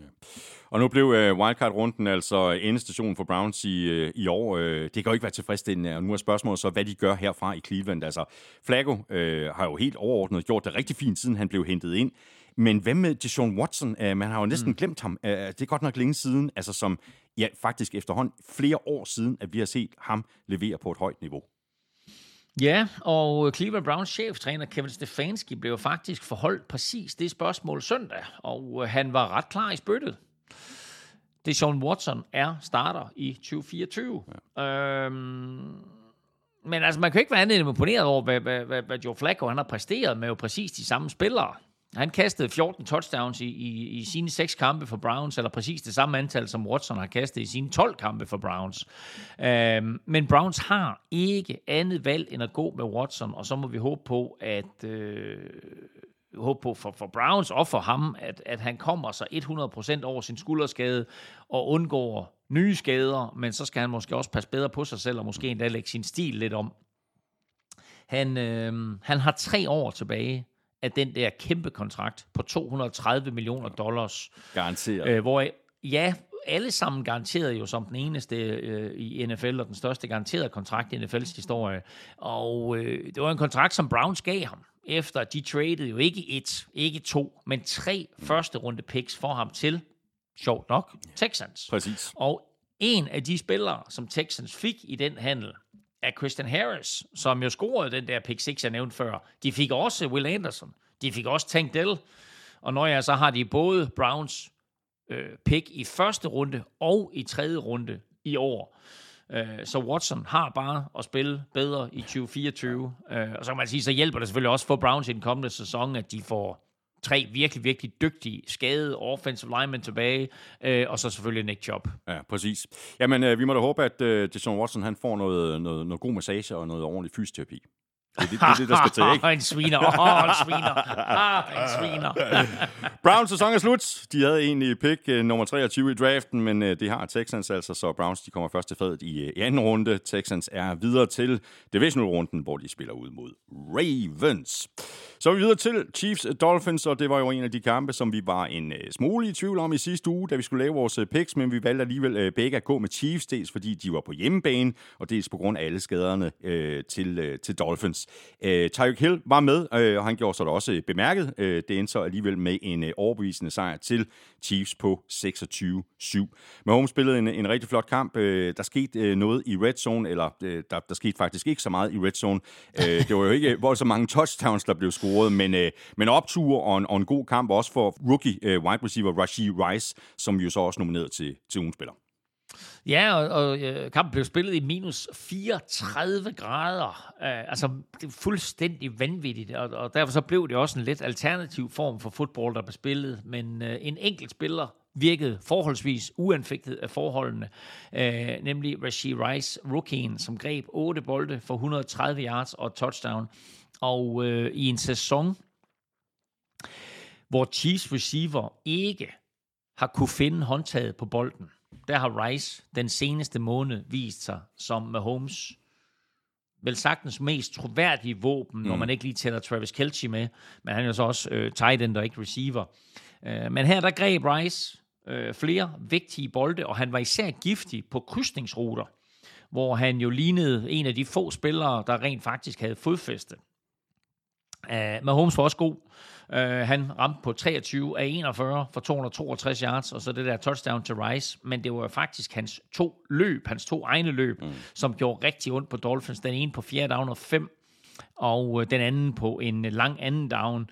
Og uh, læg dertil, at apropos penalties og turnovers, ikke? læg dertil, at, pen, at Dolphins dummede sig to gange, hvor de jo faktisk har stoppet Chiefs ved at lave roughing the passer mm. og forære Chiefs øh, nye første downs, så de gjorde det bestemt ikke nemmere for sig nej, selv, nej. Øh, Dolphins her. Og så har vi jo øh, nærmest talt om det hele sæsonen, at når øh, Dolphins løb ind i fysisk modstand, så var de til at tale med, og så øh, kunne der blive lagt en dæmper på det, øh, på det offensive festfyrværkeri. Og det virker til, at øh, det også var noget, som øh, Steve Spagnuolo øh, havde noteret. Altså Chiefs defense sad jo fuldstændig på det her Dolphins-angreb. Ja, og bortset fra det lange touchdown til Tyreek Hill, så spillede Chiefs forsvar jo tæt på fejlfrit, øh, og igen, bortset fra det der touchdown, så uddelte de jo det ikke. Mm. Uh, Hill han havde 62 yards i kampen, og de 53, det kom på det touchdown. Uh, Jalen Waddle beholdt til 31 yards hele kampen. Raheem Mostert og Devon Achan beholdt i skak hele kampen. Linebacker Nick Bolton der ikke var med, øh, da Chiefs og Dolphins de mødtes i Frankfurt. Han var overalt på banen her. Øh, han stoppede løbet, han dækkede receiver, han lavede ni taklinger, øh, mens den anden øh, linebacker Mike Edwards jo fik en interception, og øh, den græske gud Joros Kalaftis øh, lavede øh, to sacks. Øh, og så vil jeg lige fremhæve Chiefs cornerback duo med Legarius Sneed og Trent McDuffie, som helt ærligt måske er ligaens bedste. Uh, især fordi de begge to kan dække op, men samtidig jo er fysiske. Og det er jo ikke alle cornerbacks, der ønsker at være fysiske, og uh, især ikke på sådan en dag her, hvor alle taklinger gør ondt. Både ham, der har bolden, men jo også dem, der laver taklingen. Fordi sådan noget frossen plastik, det gør fandme ondt. Ja, det gør det virkelig. Okay. Elming, et, øh, et hold består jo som bekendt af tre enheder, og, og vi kan jo ikke tale om den her sejr uden at også at nævne øh, Chiefs Special Teams. Nej, og det er godt, du gør det, fordi øh, nu har vi rost Chiefs defense og øh, til dels også deres angreb, men sandheden er jo, at de havde meget, meget svært, igen i øvrigt, havde meget, meget svært ved at få bolden ind i mm, endzonen, når de nærmede sig mållinjen. Og så er det godt, at man har en botkicker. uh, I sidste uge, uh, der missede vi ham som ugen spiller efter sine seks field goals. I den her uge, der laver han fire uh, i helt igennem forfærdeligt vejr. Øhm, og som han sagde bagefter, det var som at sparke til en mursten, øh, den der øh, bold, der, der var dybt frossen. Øh, Chiefs, de var red zone seks gange og fik kun to touchdowns ud af det, men øh, de tøvede heldigvis ikke med at øh, sætte Harrison Butker ind, øh, i stedet for at gå efter den. Og, øh, Chiefs, de scorede 26 point, og øh, Butker, han stod for de 12. Mm. Hvad så nu for... Ja, det passer for, ikke. Han stod, han stod faktisk for de 14, for han sparkede også to ekstra point. Det er rigtigt. Hvor herfra nu for, for, for Dolphins, altså eksplosivt angreb, innovativ playcaller i head coach øh, Mike McDaniel. Uh, Tur er der vel ikke rigtig længere nogen, der sætter spørgsmålstegn ved, uh, selvom det her jo ikke var hans bedste kamp hele ja, året. Men, ja, men ja. Er, der, er der nogen, der sætter spørgsmålstegn ved, ved, ved, ved Tur som, som quarterback? Uh, altså, hvordan kommer Dolphins uh, videre herfra? Hvad skal deres fokus være her i offseason? Jamen, jeg synes, der, der er flere fokuspunkter, men altså, først og fremmest skal man jo lægge mærke til, at de var uden deres fire bedste pass rusher, som alle sammen var skadet. Øh, og det betød jo, at i den forgangne uge her, der var de nødt til at hive tre spillere ind fra gaden, blandt andet den tidligere Chiefs-spiller Justin Houston. Mm. Og det betød jo også, at Dolphins havde meget, meget svært ved at generere nogen former for pass rush, og lavede lige nøjagtigt 0 sacks på Mahomes. Øh, så de skal selvfølgelig, og det får de selvfølgelig også, have de der skadede spillere tilbage. Øh, dernæst, så synes jeg jo faktisk, de skal forstærke receiver-truppen, hvor de godt kan bruge en ekstra mand ud over Waddle og Hill. Øh, cornerback, er jo faktisk også lidt en svaghed. Altså Jalen Ramsey har været suveræn, og, og Dolphins forsvar har været markant bedre efter, at han kom tilbage. Men altså Savian Howard har været for meget skadet, og resten af de spillere, de har løbende rundt der på, på corner, det er, det er shite. Øhm, og så er der quarterback. Hvad gør Dolphins? Altså, Ingen kastet for flere yards i år end Tua med sine 4800, men øh, er han svaret fremadrettet? Øh, de har ham på kontrakt til næste år med sin femteårsoption til en øh, værdi af 23 millioner dollars, men, øh, men spørgsmålet er, om øh, Mike McDaniel han var i en anden retning. Ja. Vi får se. Dolphins sæson er i hvert fald slut. De har pick nummer 21 i draften. Chiefs er videre, og de møder Bills i divisional-runden. Fordi øh, Bills vandt nemlig den kamp, som jo øh, først blev spillet i går Monday Night, efter den var blevet øh, rykket fra i søndags på grund af massive mængder sne. Øh, og det kan godt være, at øh, der var koldt i Buffalo, men øh, Bills de var brandvarme lige fra første fløjt, og da der var spillet 11 minutter, der var de foran med 14-0. Senere der kom de foran med 21-0, og så var der sikkert en, en del, der sad og tænkte, nå, nu er den øh, kamp vist øh, lukket og slukket, men øh, Steelers de kom faktisk øh, rigtig flot igen og bragte spænding tilbage i kampen inden Bills så trak fra igen og vandt med øh, 31-17. Så den øh, øh, forventede sejr til Bills, kan vi sige, og når vi tænker tilbage på den her sæson, så er det jo helt vildt, at Josh Allen og company nu er klar til at spille i divisional-runden. Ja, både over, ikke? Altså, øh, selvfølgelig jo, øh, når vi tænker tilbage på, at de var 6 og 6 og skulle vinde på Arrowhead for at bevare håbet om playoffs, men, øh, men også på en eller anden måde nej, øh, ikke med Josh Allen som quarterback. Øh, han leverer to øh, lækre touchdown-kast i første quarter, og øh, har det der fuldstændig overfede touchdown-løb på 52 yards i anden quarter, hvor efter fansen jo bare taktfast råbte MVP, ja. MVP, og det gjorde de flere gange undervejs, fordi da Steelers var kommet på 24-17 i fjerde quarter, øh, efter de havde været bag 21-0, øh, der tog Josh Allen jo lige sit hold på ryggen endnu en gang, mm. og både øh, løb og kastede dem til sejren. Hvis vi skal trække noget ud af den her kamp, Elming, og måske i virkeligheden øh, hele sæsonen, øh, og, og som Bills også kan bruge øh, fremadrettet, så er det vel nu, at vi kan konkludere, at, at, at Bills har bevist, at øh, alt ikke bare behøver at fungere fra start til slut, for at de kan trække sig sejrsrigt ud af en kamp.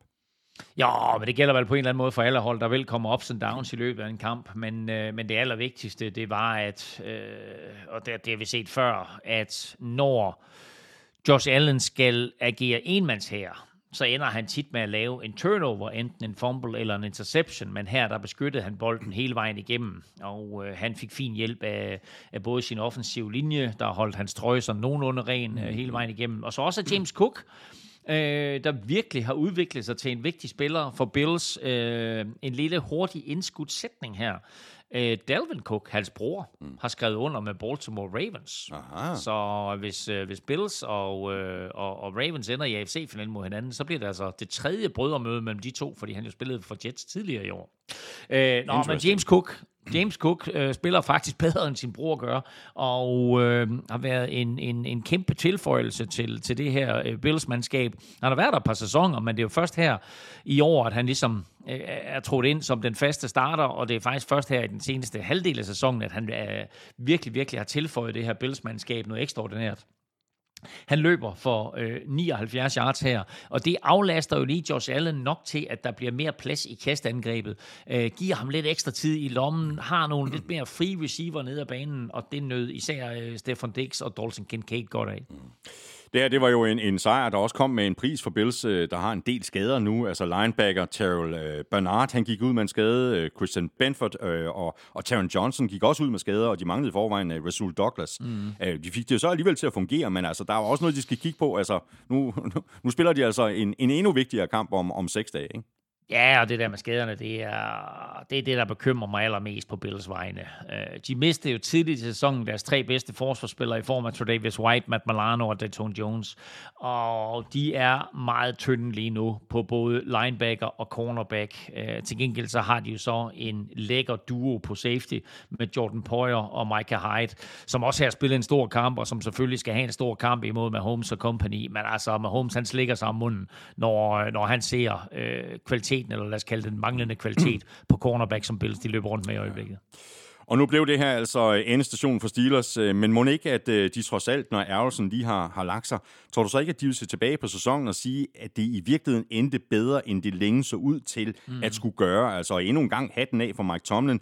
Spørgsmålet er så, hvordan øh, planen på, på, på quarterback ser ud. Mason Rudolph har jo sådan set gjort det rigtig fint. Det var ikke den, den allerfedeste start på den her kamp for ham, men han fik da spillet sig op. Jamen prøv at Steelers var på ingen måde ringe i den her kamp. Øh, de var helt med, og 31-17 siger jo ikke, hvor jævnbyrdige de her to hold var. Der var to tidlige turnovers, som reelt kommer til at afgøre kampen. Øh, George Pickens, receiveren, fumbler efter et catch på egen banehalvdel.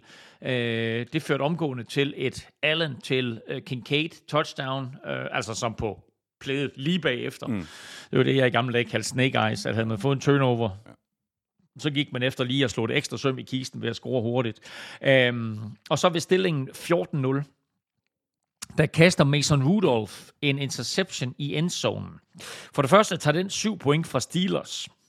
Øhm, og så er det jo på den efterfølgende angrebsserie, at Josh Allen han laver det der 52 yard øh, fuldstændig vanvittigt fantastiske touchdown-løb.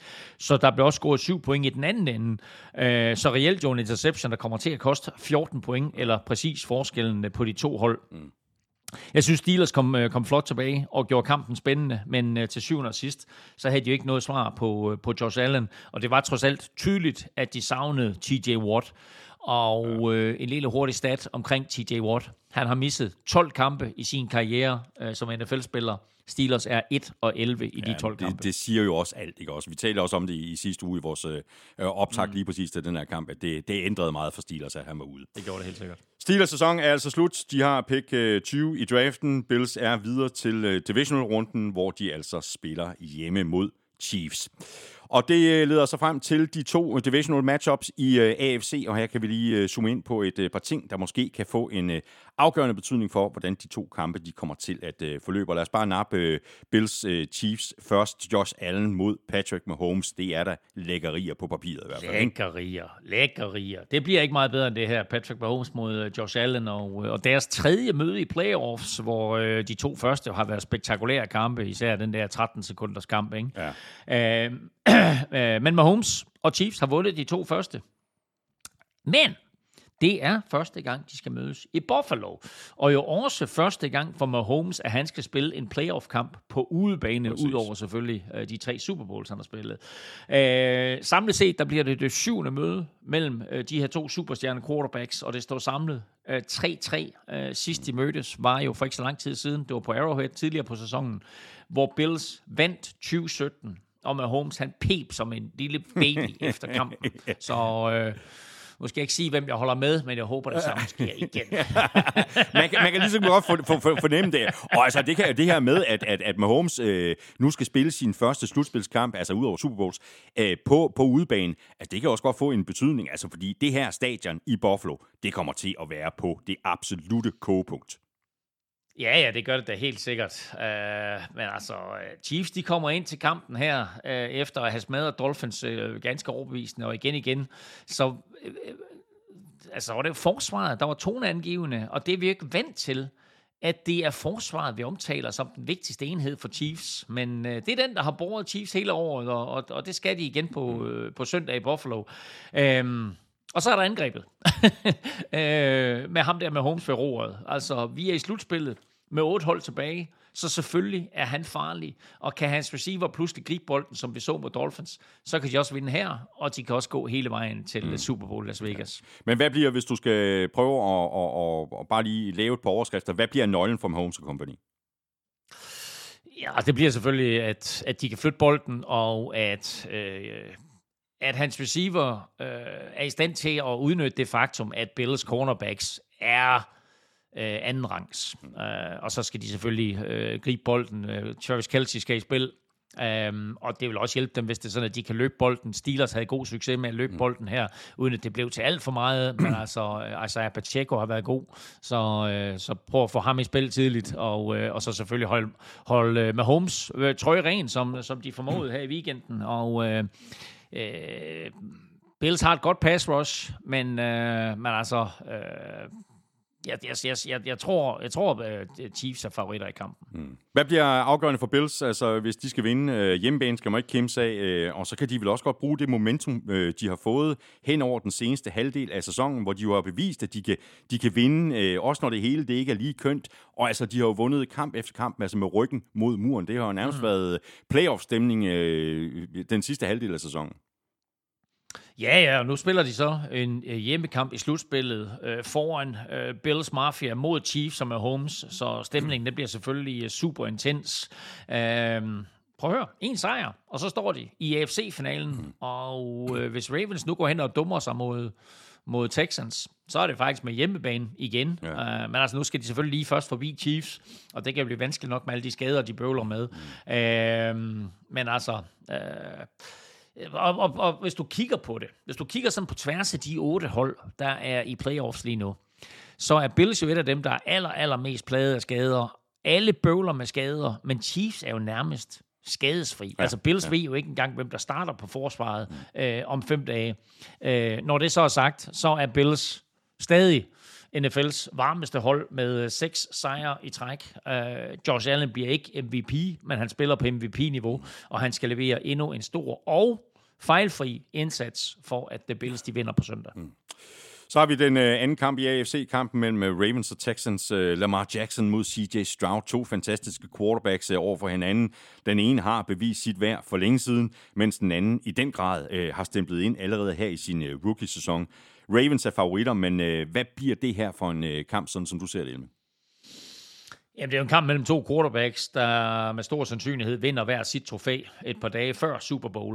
Uh, når Lamar han bliver kåret til MVP, og CJ Stroud han bliver Rookie of the Year.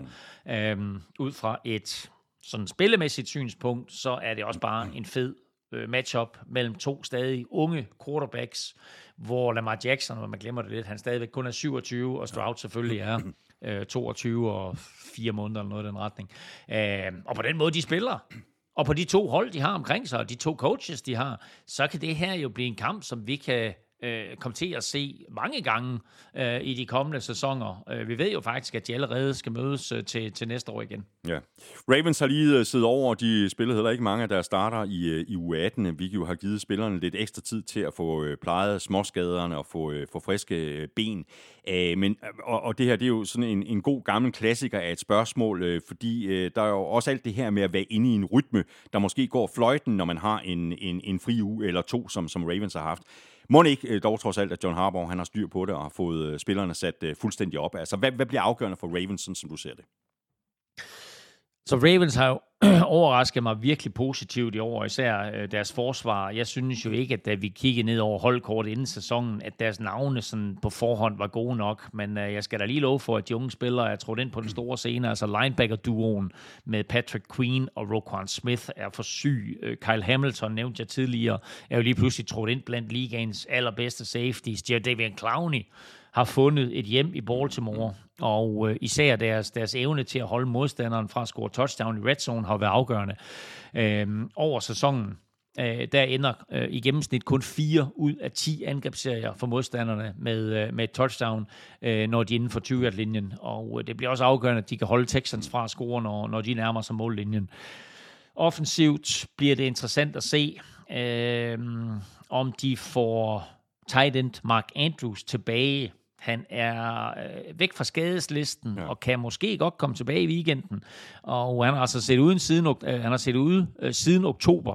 Og det bliver spændende at se, hvordan de, hvordan de bruger ham, og hvordan de eventuelt øh, bruger ham og øh, Isaiah Likely sammen. Isaiah Likely, som jo har spillet virkelig, virkelig godt i, øh, i Mark Andrews' fravær. Hvad bliver nøglen så for det her øh, unge Texans hold? Altså, de har jo lige bevist, at øh, det her øjeblik, øh, det ikke var for stort for dem her i, i wildcard-runden. Nu skruer vi altså lige en, øh, lidt op for, for charmen med en tur i en øh, divisional kamp, øh, og det kan vel øh, sådan rent mentalt gå to veje. Enten er Texans allerede i situationstegn mætte, eller også er de lige præcis sultne på mere, og på at bevise, at det altså ikke er et tilfælde, at de er nået så langt. Og hvis man kender Demico Ryan, så tror jeg, at de er sat op til mere. ja, og altså, jeg tror på ingen måde, de er med det. Øh, de har overgået alle forventninger, og det stopper ikke her. Øh, I hvert fald ikke mentalt. Øh, spørgsmålet er så, om de fysisk og spillemæssigt kan være med, når modstanderen er første seedet Ravens på udebane, i kugle, væk fra øh, det dejlige indendørs klima i den der Texas Dome der. Øh, men altså, hvis Texans skal vinde, så er det jo afgørende, at Stroud bliver ved med at passe på bolden og spiller lige så klogt og sikkert, som han har gjort det i hele sæsonen, og også gjort det i wildcard-kampen.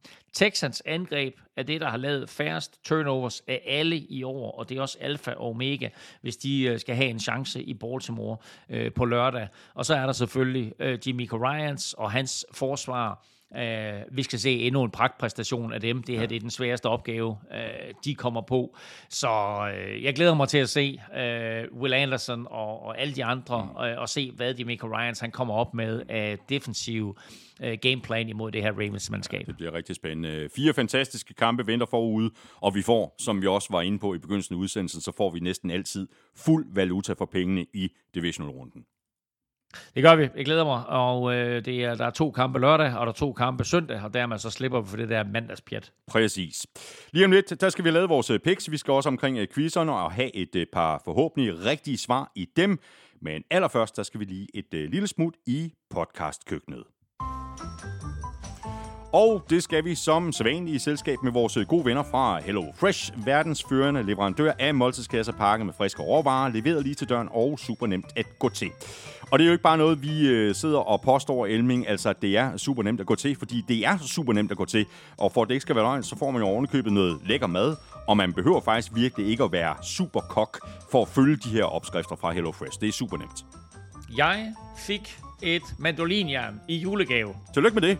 Ja tak. Og jeg brugte det for første gang i søndags til NFL, hvor jeg lavede moussaka. Og det er jo sådan noget, hvor man tænker, hold kæft mand, ikke? Altså, det, hvornår har jeg sidst lavet moussaka? Ja, ja hvornår har som, du egentlig som, sidst lavet moussaka?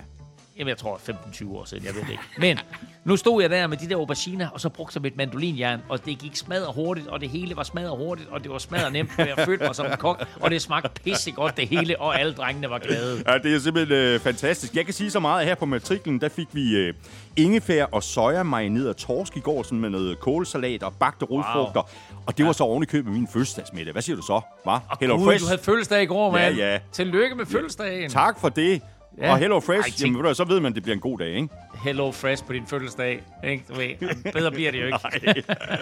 der er rigtig mange gode grunde til at blive kunde hos øh, Hello Fresh. Øh, der er et øh, kæmpe udvalg hver eneste uge, 33 retter, og der er noget for en hver smag.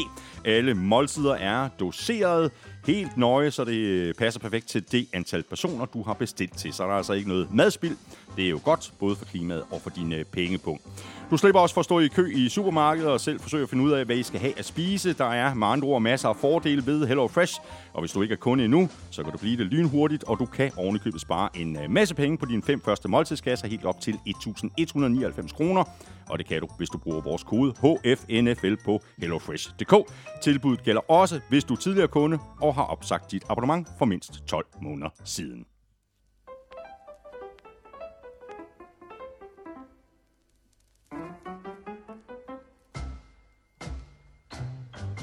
Fra mad til quiz. Vi skal have quizzen. Åh. Oh. Det er tid til quiz, quiz, quiz, quiz, quiz. Nå, Elming. Øh, dit spørgsmål til mig. Øh, jeg har øh, noteret lidt øh, ned undervejs nogle øh, mulige bud på dit øh, spørgsmål.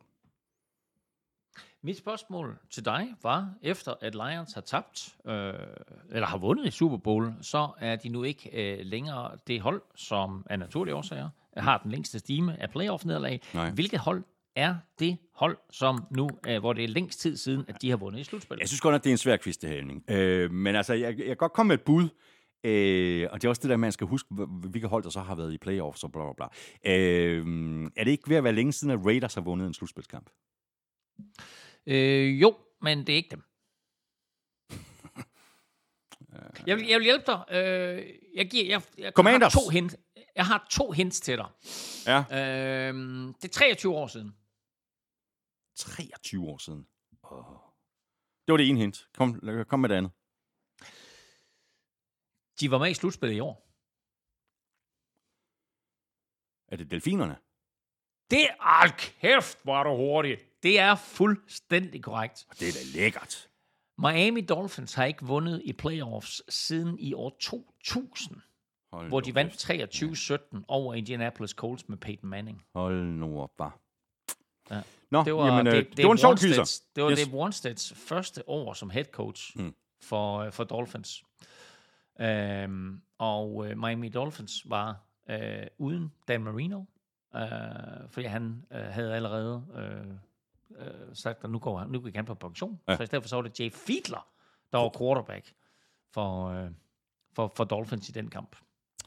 God quiz. Øh, der endte sådan øh, nogenlunde lykkeligt. Jeg var lige på lidt øh, detur der. Øh, så var der øh, spørgsmålet fra Jakob Question Mark Hansen. Øh, det her med, at Patrick Mahomes øh, han nu er oppe på at have vundet 12 slutspilskampe i sin tid i, øh, i NFL. Øh, kan du nævne de syv quarterbacks, der har flere slutspilsejre end Mahomes? Altså, der er en 3-4 stykker, som bør give sig selv. Ja, Den ene, det er Tom Brady. det er fuldstændig korrekt. Med vanvittige 35. Vanvittige 35. Har han 35? 35 slutspilsejre. Det er jo helt vanvittigt. Det er crazy. Nå. Ja, ja. Jeg kan jamen, helt af, hvor mange hold har 35. Jeg Øh, tror ikke, der rammer, altså, jeg nej, tror ikke, der nej, nej. mange hold, der har 35. Det tror jeg Nå, da. cra- crazy. Nå. Øh, og den anden er selvfølgelig Joe Montana. Det er fuldstændig korrekt med 16. Ja. Ikke? Så fra 35 til 16. Er der, nu- der er ikke nogen mellem dem? Nej, det er der ikke.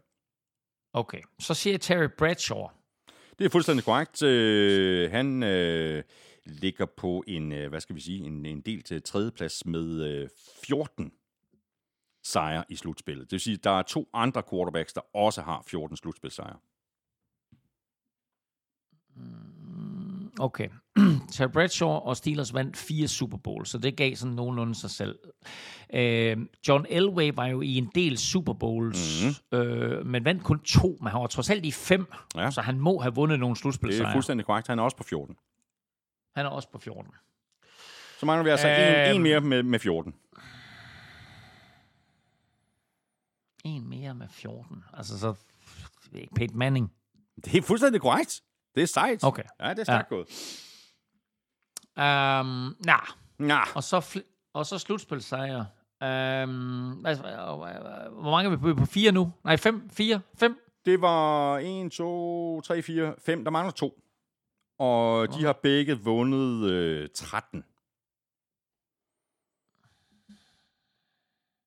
Altså, jeg kunne godt finde... Nej, ah. Altså, Joe Flacco har jo faktisk vundet en del slutspilsejre. Ja, men det er ikke Men jeg Flacco. tror ikke- Det er ikke Flacco. Nej, det er ikke Flacco. Troy Aikman.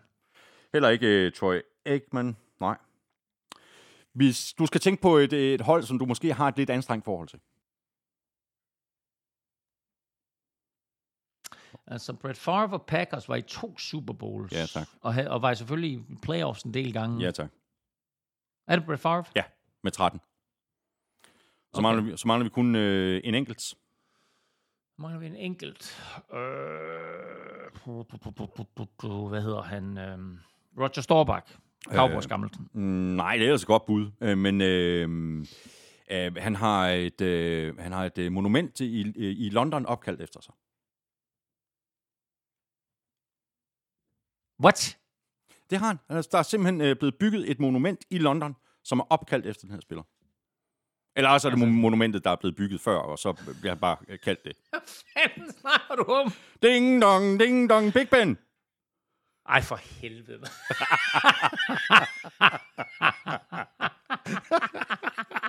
Har du godt? Okay, okay, fair nok. Fair nok. Nå, Ben, Roethlisberger. Exactly. Godt, okay. jamen øh, ja. fantastisk. Øh, Nu skal jeg lige videre her i, øh, i alle mine papirer, fordi der var en hulens masse quizzer, som jeg skal bladre forbi, som øh, du jo valgte fra. Men, øh, men det var godt, det her, Elming. Det var nogle, det var nogle sjove, øh, sjove quizzer. nu skal vi have sat vores øh, picks til øh, divisional-runden. Øh, før vi gør det, så skal vi lige have en lille øh, opdatering på vores øh, stilling. Øh, det var ikke lige frem nogen øh, imponerende runde af os øh, her i wildcard-runden. Øh, Den endte 3-2 til mig, øh, og det betyder, at den samlede stilling nu er 180-170. Så har vi altså de her øh, fire matchups. Øh, vi lægger ud med Ravens-Texans. Øh, ja, altså, det, det, det er jo svært ikke at gå med Ravens. Øh, jeg synes, den, den dejlige historie vil være, vil være Texans, ikke? Det er vi enige om. Øh, men, det er vi enige om. Men jeg siger, jeg siger, jeg siger Ravens. Jeg siger også uh, Ravens. Så har vi øh, 49ers Packers. Og der er du presset nu, ikke Elming? Fordi du har det ikke godt med Packers. Men du kunne måske også godt tænke dig, at 49ers de tabt. Nå, jamen, altså, det, prøv at høre, det er jo slet ikke det, vi, altså, det er ikke et spørgsmål om, hvad man, hvad, hvem, man kan lide, og hvad man ikke kan lide. Øh, det er mere et spørgsmål om, altså, kan 49ers tage til, tage til øh, San Francisco og levere den store overraskelse? Øhm, Har du mener Packers, om de kan tage til, til, til, til San Francisco? Ikke? ja, men det er jo der, det er jo der, det er du og lytterne, I skal høre efter, hvad jeg mener, ikke hvad jeg siger. Um, jeg siger Packers vinder. Jeg siger sgu også Texans vinder. Jeg siger Texans tager til, uh, tager til Baltimore vinder, og jeg siger, at, uh, at Packers tager til 49ers Hold vinder. kæft, det er all in det her. Jeg går bare med hjemmeholden. Jeg går bare med hjemmeholden Ja. hele vejen igen. Ja. Jeg, jeg, siger, Sådan. jeg siger 49ers, så jeg siger også Ravens. Så har vi Lions Buccaneers, der siger også hjemmeholdet. Jeg går med Lions. Ja, der, der, der vil jeg jo virkelig, virkelig gerne have, at du har sagt Buccaneers. Nå, men så skider jeg med, så, jeg, så tager jeg Buccaneers, men jeg tror Lions vinder. Sådan der. Så siger jeg Lions. det er stærkt. Og så har vi den sidste. Det er Bills Chiefs. Ja. Jamen, jeg har jo sagt det. Jeg går med hjemmeholden. Jeg siger Bills. Du går med hjemmeholdet. Jeg, øh, jeg tror faktisk, øh, og det er ikke bare for at, at tage det modsatte af dig, men jeg tror faktisk, Chiefs vinder. Ja, Øh, det tror jeg faktisk også, de gør. Ja. Nå, men, øh, siger du så Lions, Ja, ja, siger du så Bills. nej, men fordi jeg lidt håber på, at Bills øh, de, de, de gør det. Det gør jeg også. Det Ikke gør fordi jeg jeg ikke kan lide Chiefs. Jeg har Altså, dyb respekt for, det, de- for det, de laver. Altså. Altså, jeg behøver ikke at spørge dig, øh, for jeg ved godt, hvem du holder med, men af de otte hold, der er tilbage, der håber jeg virkelig, at Buffalo Bills, de vinder Super Bowl. Ja, det håber jeg virkelig ikke, de gør. Nej, det ved jeg godt, du ikke håber. Tak for dig, Elming. Øh, Fornøjelse som altid, også selvom du sad på Østerbro og var med på en, øh, en forbindelse derfra, men så sparede du lige en, øh, en køretur, du skulle ud og, og øh, afise bilen og få den startet og køre til Rødovre. Ja, der var, og, og du ved, det var også det der med, med, med, med to øh, mandagskampe der, det ødelagde lidt øh, min, min forberedelse og så videre, så ja. det, øh, men, øh, men Vi hey, fik, vi fik lige en øh, halv time mere at forberede os i. Yes. Mo- moderne, moderne teknologi, Exactly. øh, så det var fedt, og nu øh, glæder vi os bare til den kommende spillerunde. Det gør vi nemlig, og vi satser på, at det bliver face-to-face i, øh, i næste uge. Tak for det, Elming, øh, og også tak til dig, fordi du lyttede med. Hvis du øh, synes om det, vi laver, så kunne du måske overveje at anbefale os til alle dine venner. Du kan også øh, stikke os en anmeldelse, og helst en af dem med øh, fem store stjerner. Et af de steder, det er muligt, for eksempel i øh, Apple Podcast eller i øh, Spotify. Og hvis du slet ikke kan holde tanken ud om, at vi en dag skulle øh, beslutte øh, os for at stoppe med at lave NFL-søde, så kan du være med til at undgå, at det sker. Det kan du ved at støtte os på øh, tier.dk, titaler.dk. Du kan også bare trykke på linket øverst på nflsøde.dk, og husk, at øh, når du støtter, så giver du altså også lige dig selv chancen for at vinde et øh, gavekort på 500 kroner til fanzone.store. Hvis du vil i kontakt med os, hvis du har spørgsmål eller kommentarer, så kan du række ud efter os på mail og du kan også prøve at fange os på Facebook, Instagram og X. Følg Elming på X på snablag NFLming, Michael Føl på snablag Thomas Kvartrup. Øh, kæmpe stor tak til vores øh, gode venner og faste partnere fra Tafel og Otset fra Danske Licensspil. Husk at støtte dem, de støtter nemlig os, og i forhold til Otset. Husk, at man skal være minimum 18 år og spille med omtanke. Har du brug for hjælp til spilafhængighed, så kontakt Spillemyndighedens hjælpelinje Stop Spillet eller udluk dig via Rufus. Regler og vilkår gælder. Også øh, tak til øh, HelloFresh for at være med os igen i dag. Hvis du ikke allerede er kunde hos øh, HelloFresh, så er det super nemt at blive det, og du kan ovenikøbet spare en hulens masse penge på dine fem første måltidskasser, helt op til 1.199 kroner. Og så får du faktisk ovenikøbet fri fragt på den første kasse. Brug vores kode HFNFL på hellofresh.dk, og det her tilbud det gælder altså både for nye kunder og for tidligere kunder, der har opsagt deres abonnement for mindst 12 måneder siden. Husk også at følge med på vores øh, forskellige SoMe-kanaler nu på øh, søndag, altså søndag den øh, 21. januar. der sætter vi i gang i den næste omgang øh, det bedste er det bedste med, nemlig, og det er jo her, at du har chancen for at vinde et øh, gavekort på 1.000 kroner til nemlig.com, når vi trækker lod i øh, næste uges udsendelse. Vi er tilbage igen i næste uge. Tak for nu. Vi høres ved. NFL-showet er produceret af Kvartrup Media, der også producerer PL-showet, Golf-showet og Born Unplugged. PL-showet giver dig alt om Premier League hver eneste mandag. Golf-showet er klar i dit feed tidlig tirsdag morgen. Og fredag eftermiddag, der er der dansk politik i Born Unplugged. Husk også ved Europa-podcasten, hvis du er til cykelsport. Elming og jeg er tilbage igen næste uge med en frisk omgang NFL-showet. Ha' det rigtig godt så længe. Hold odds.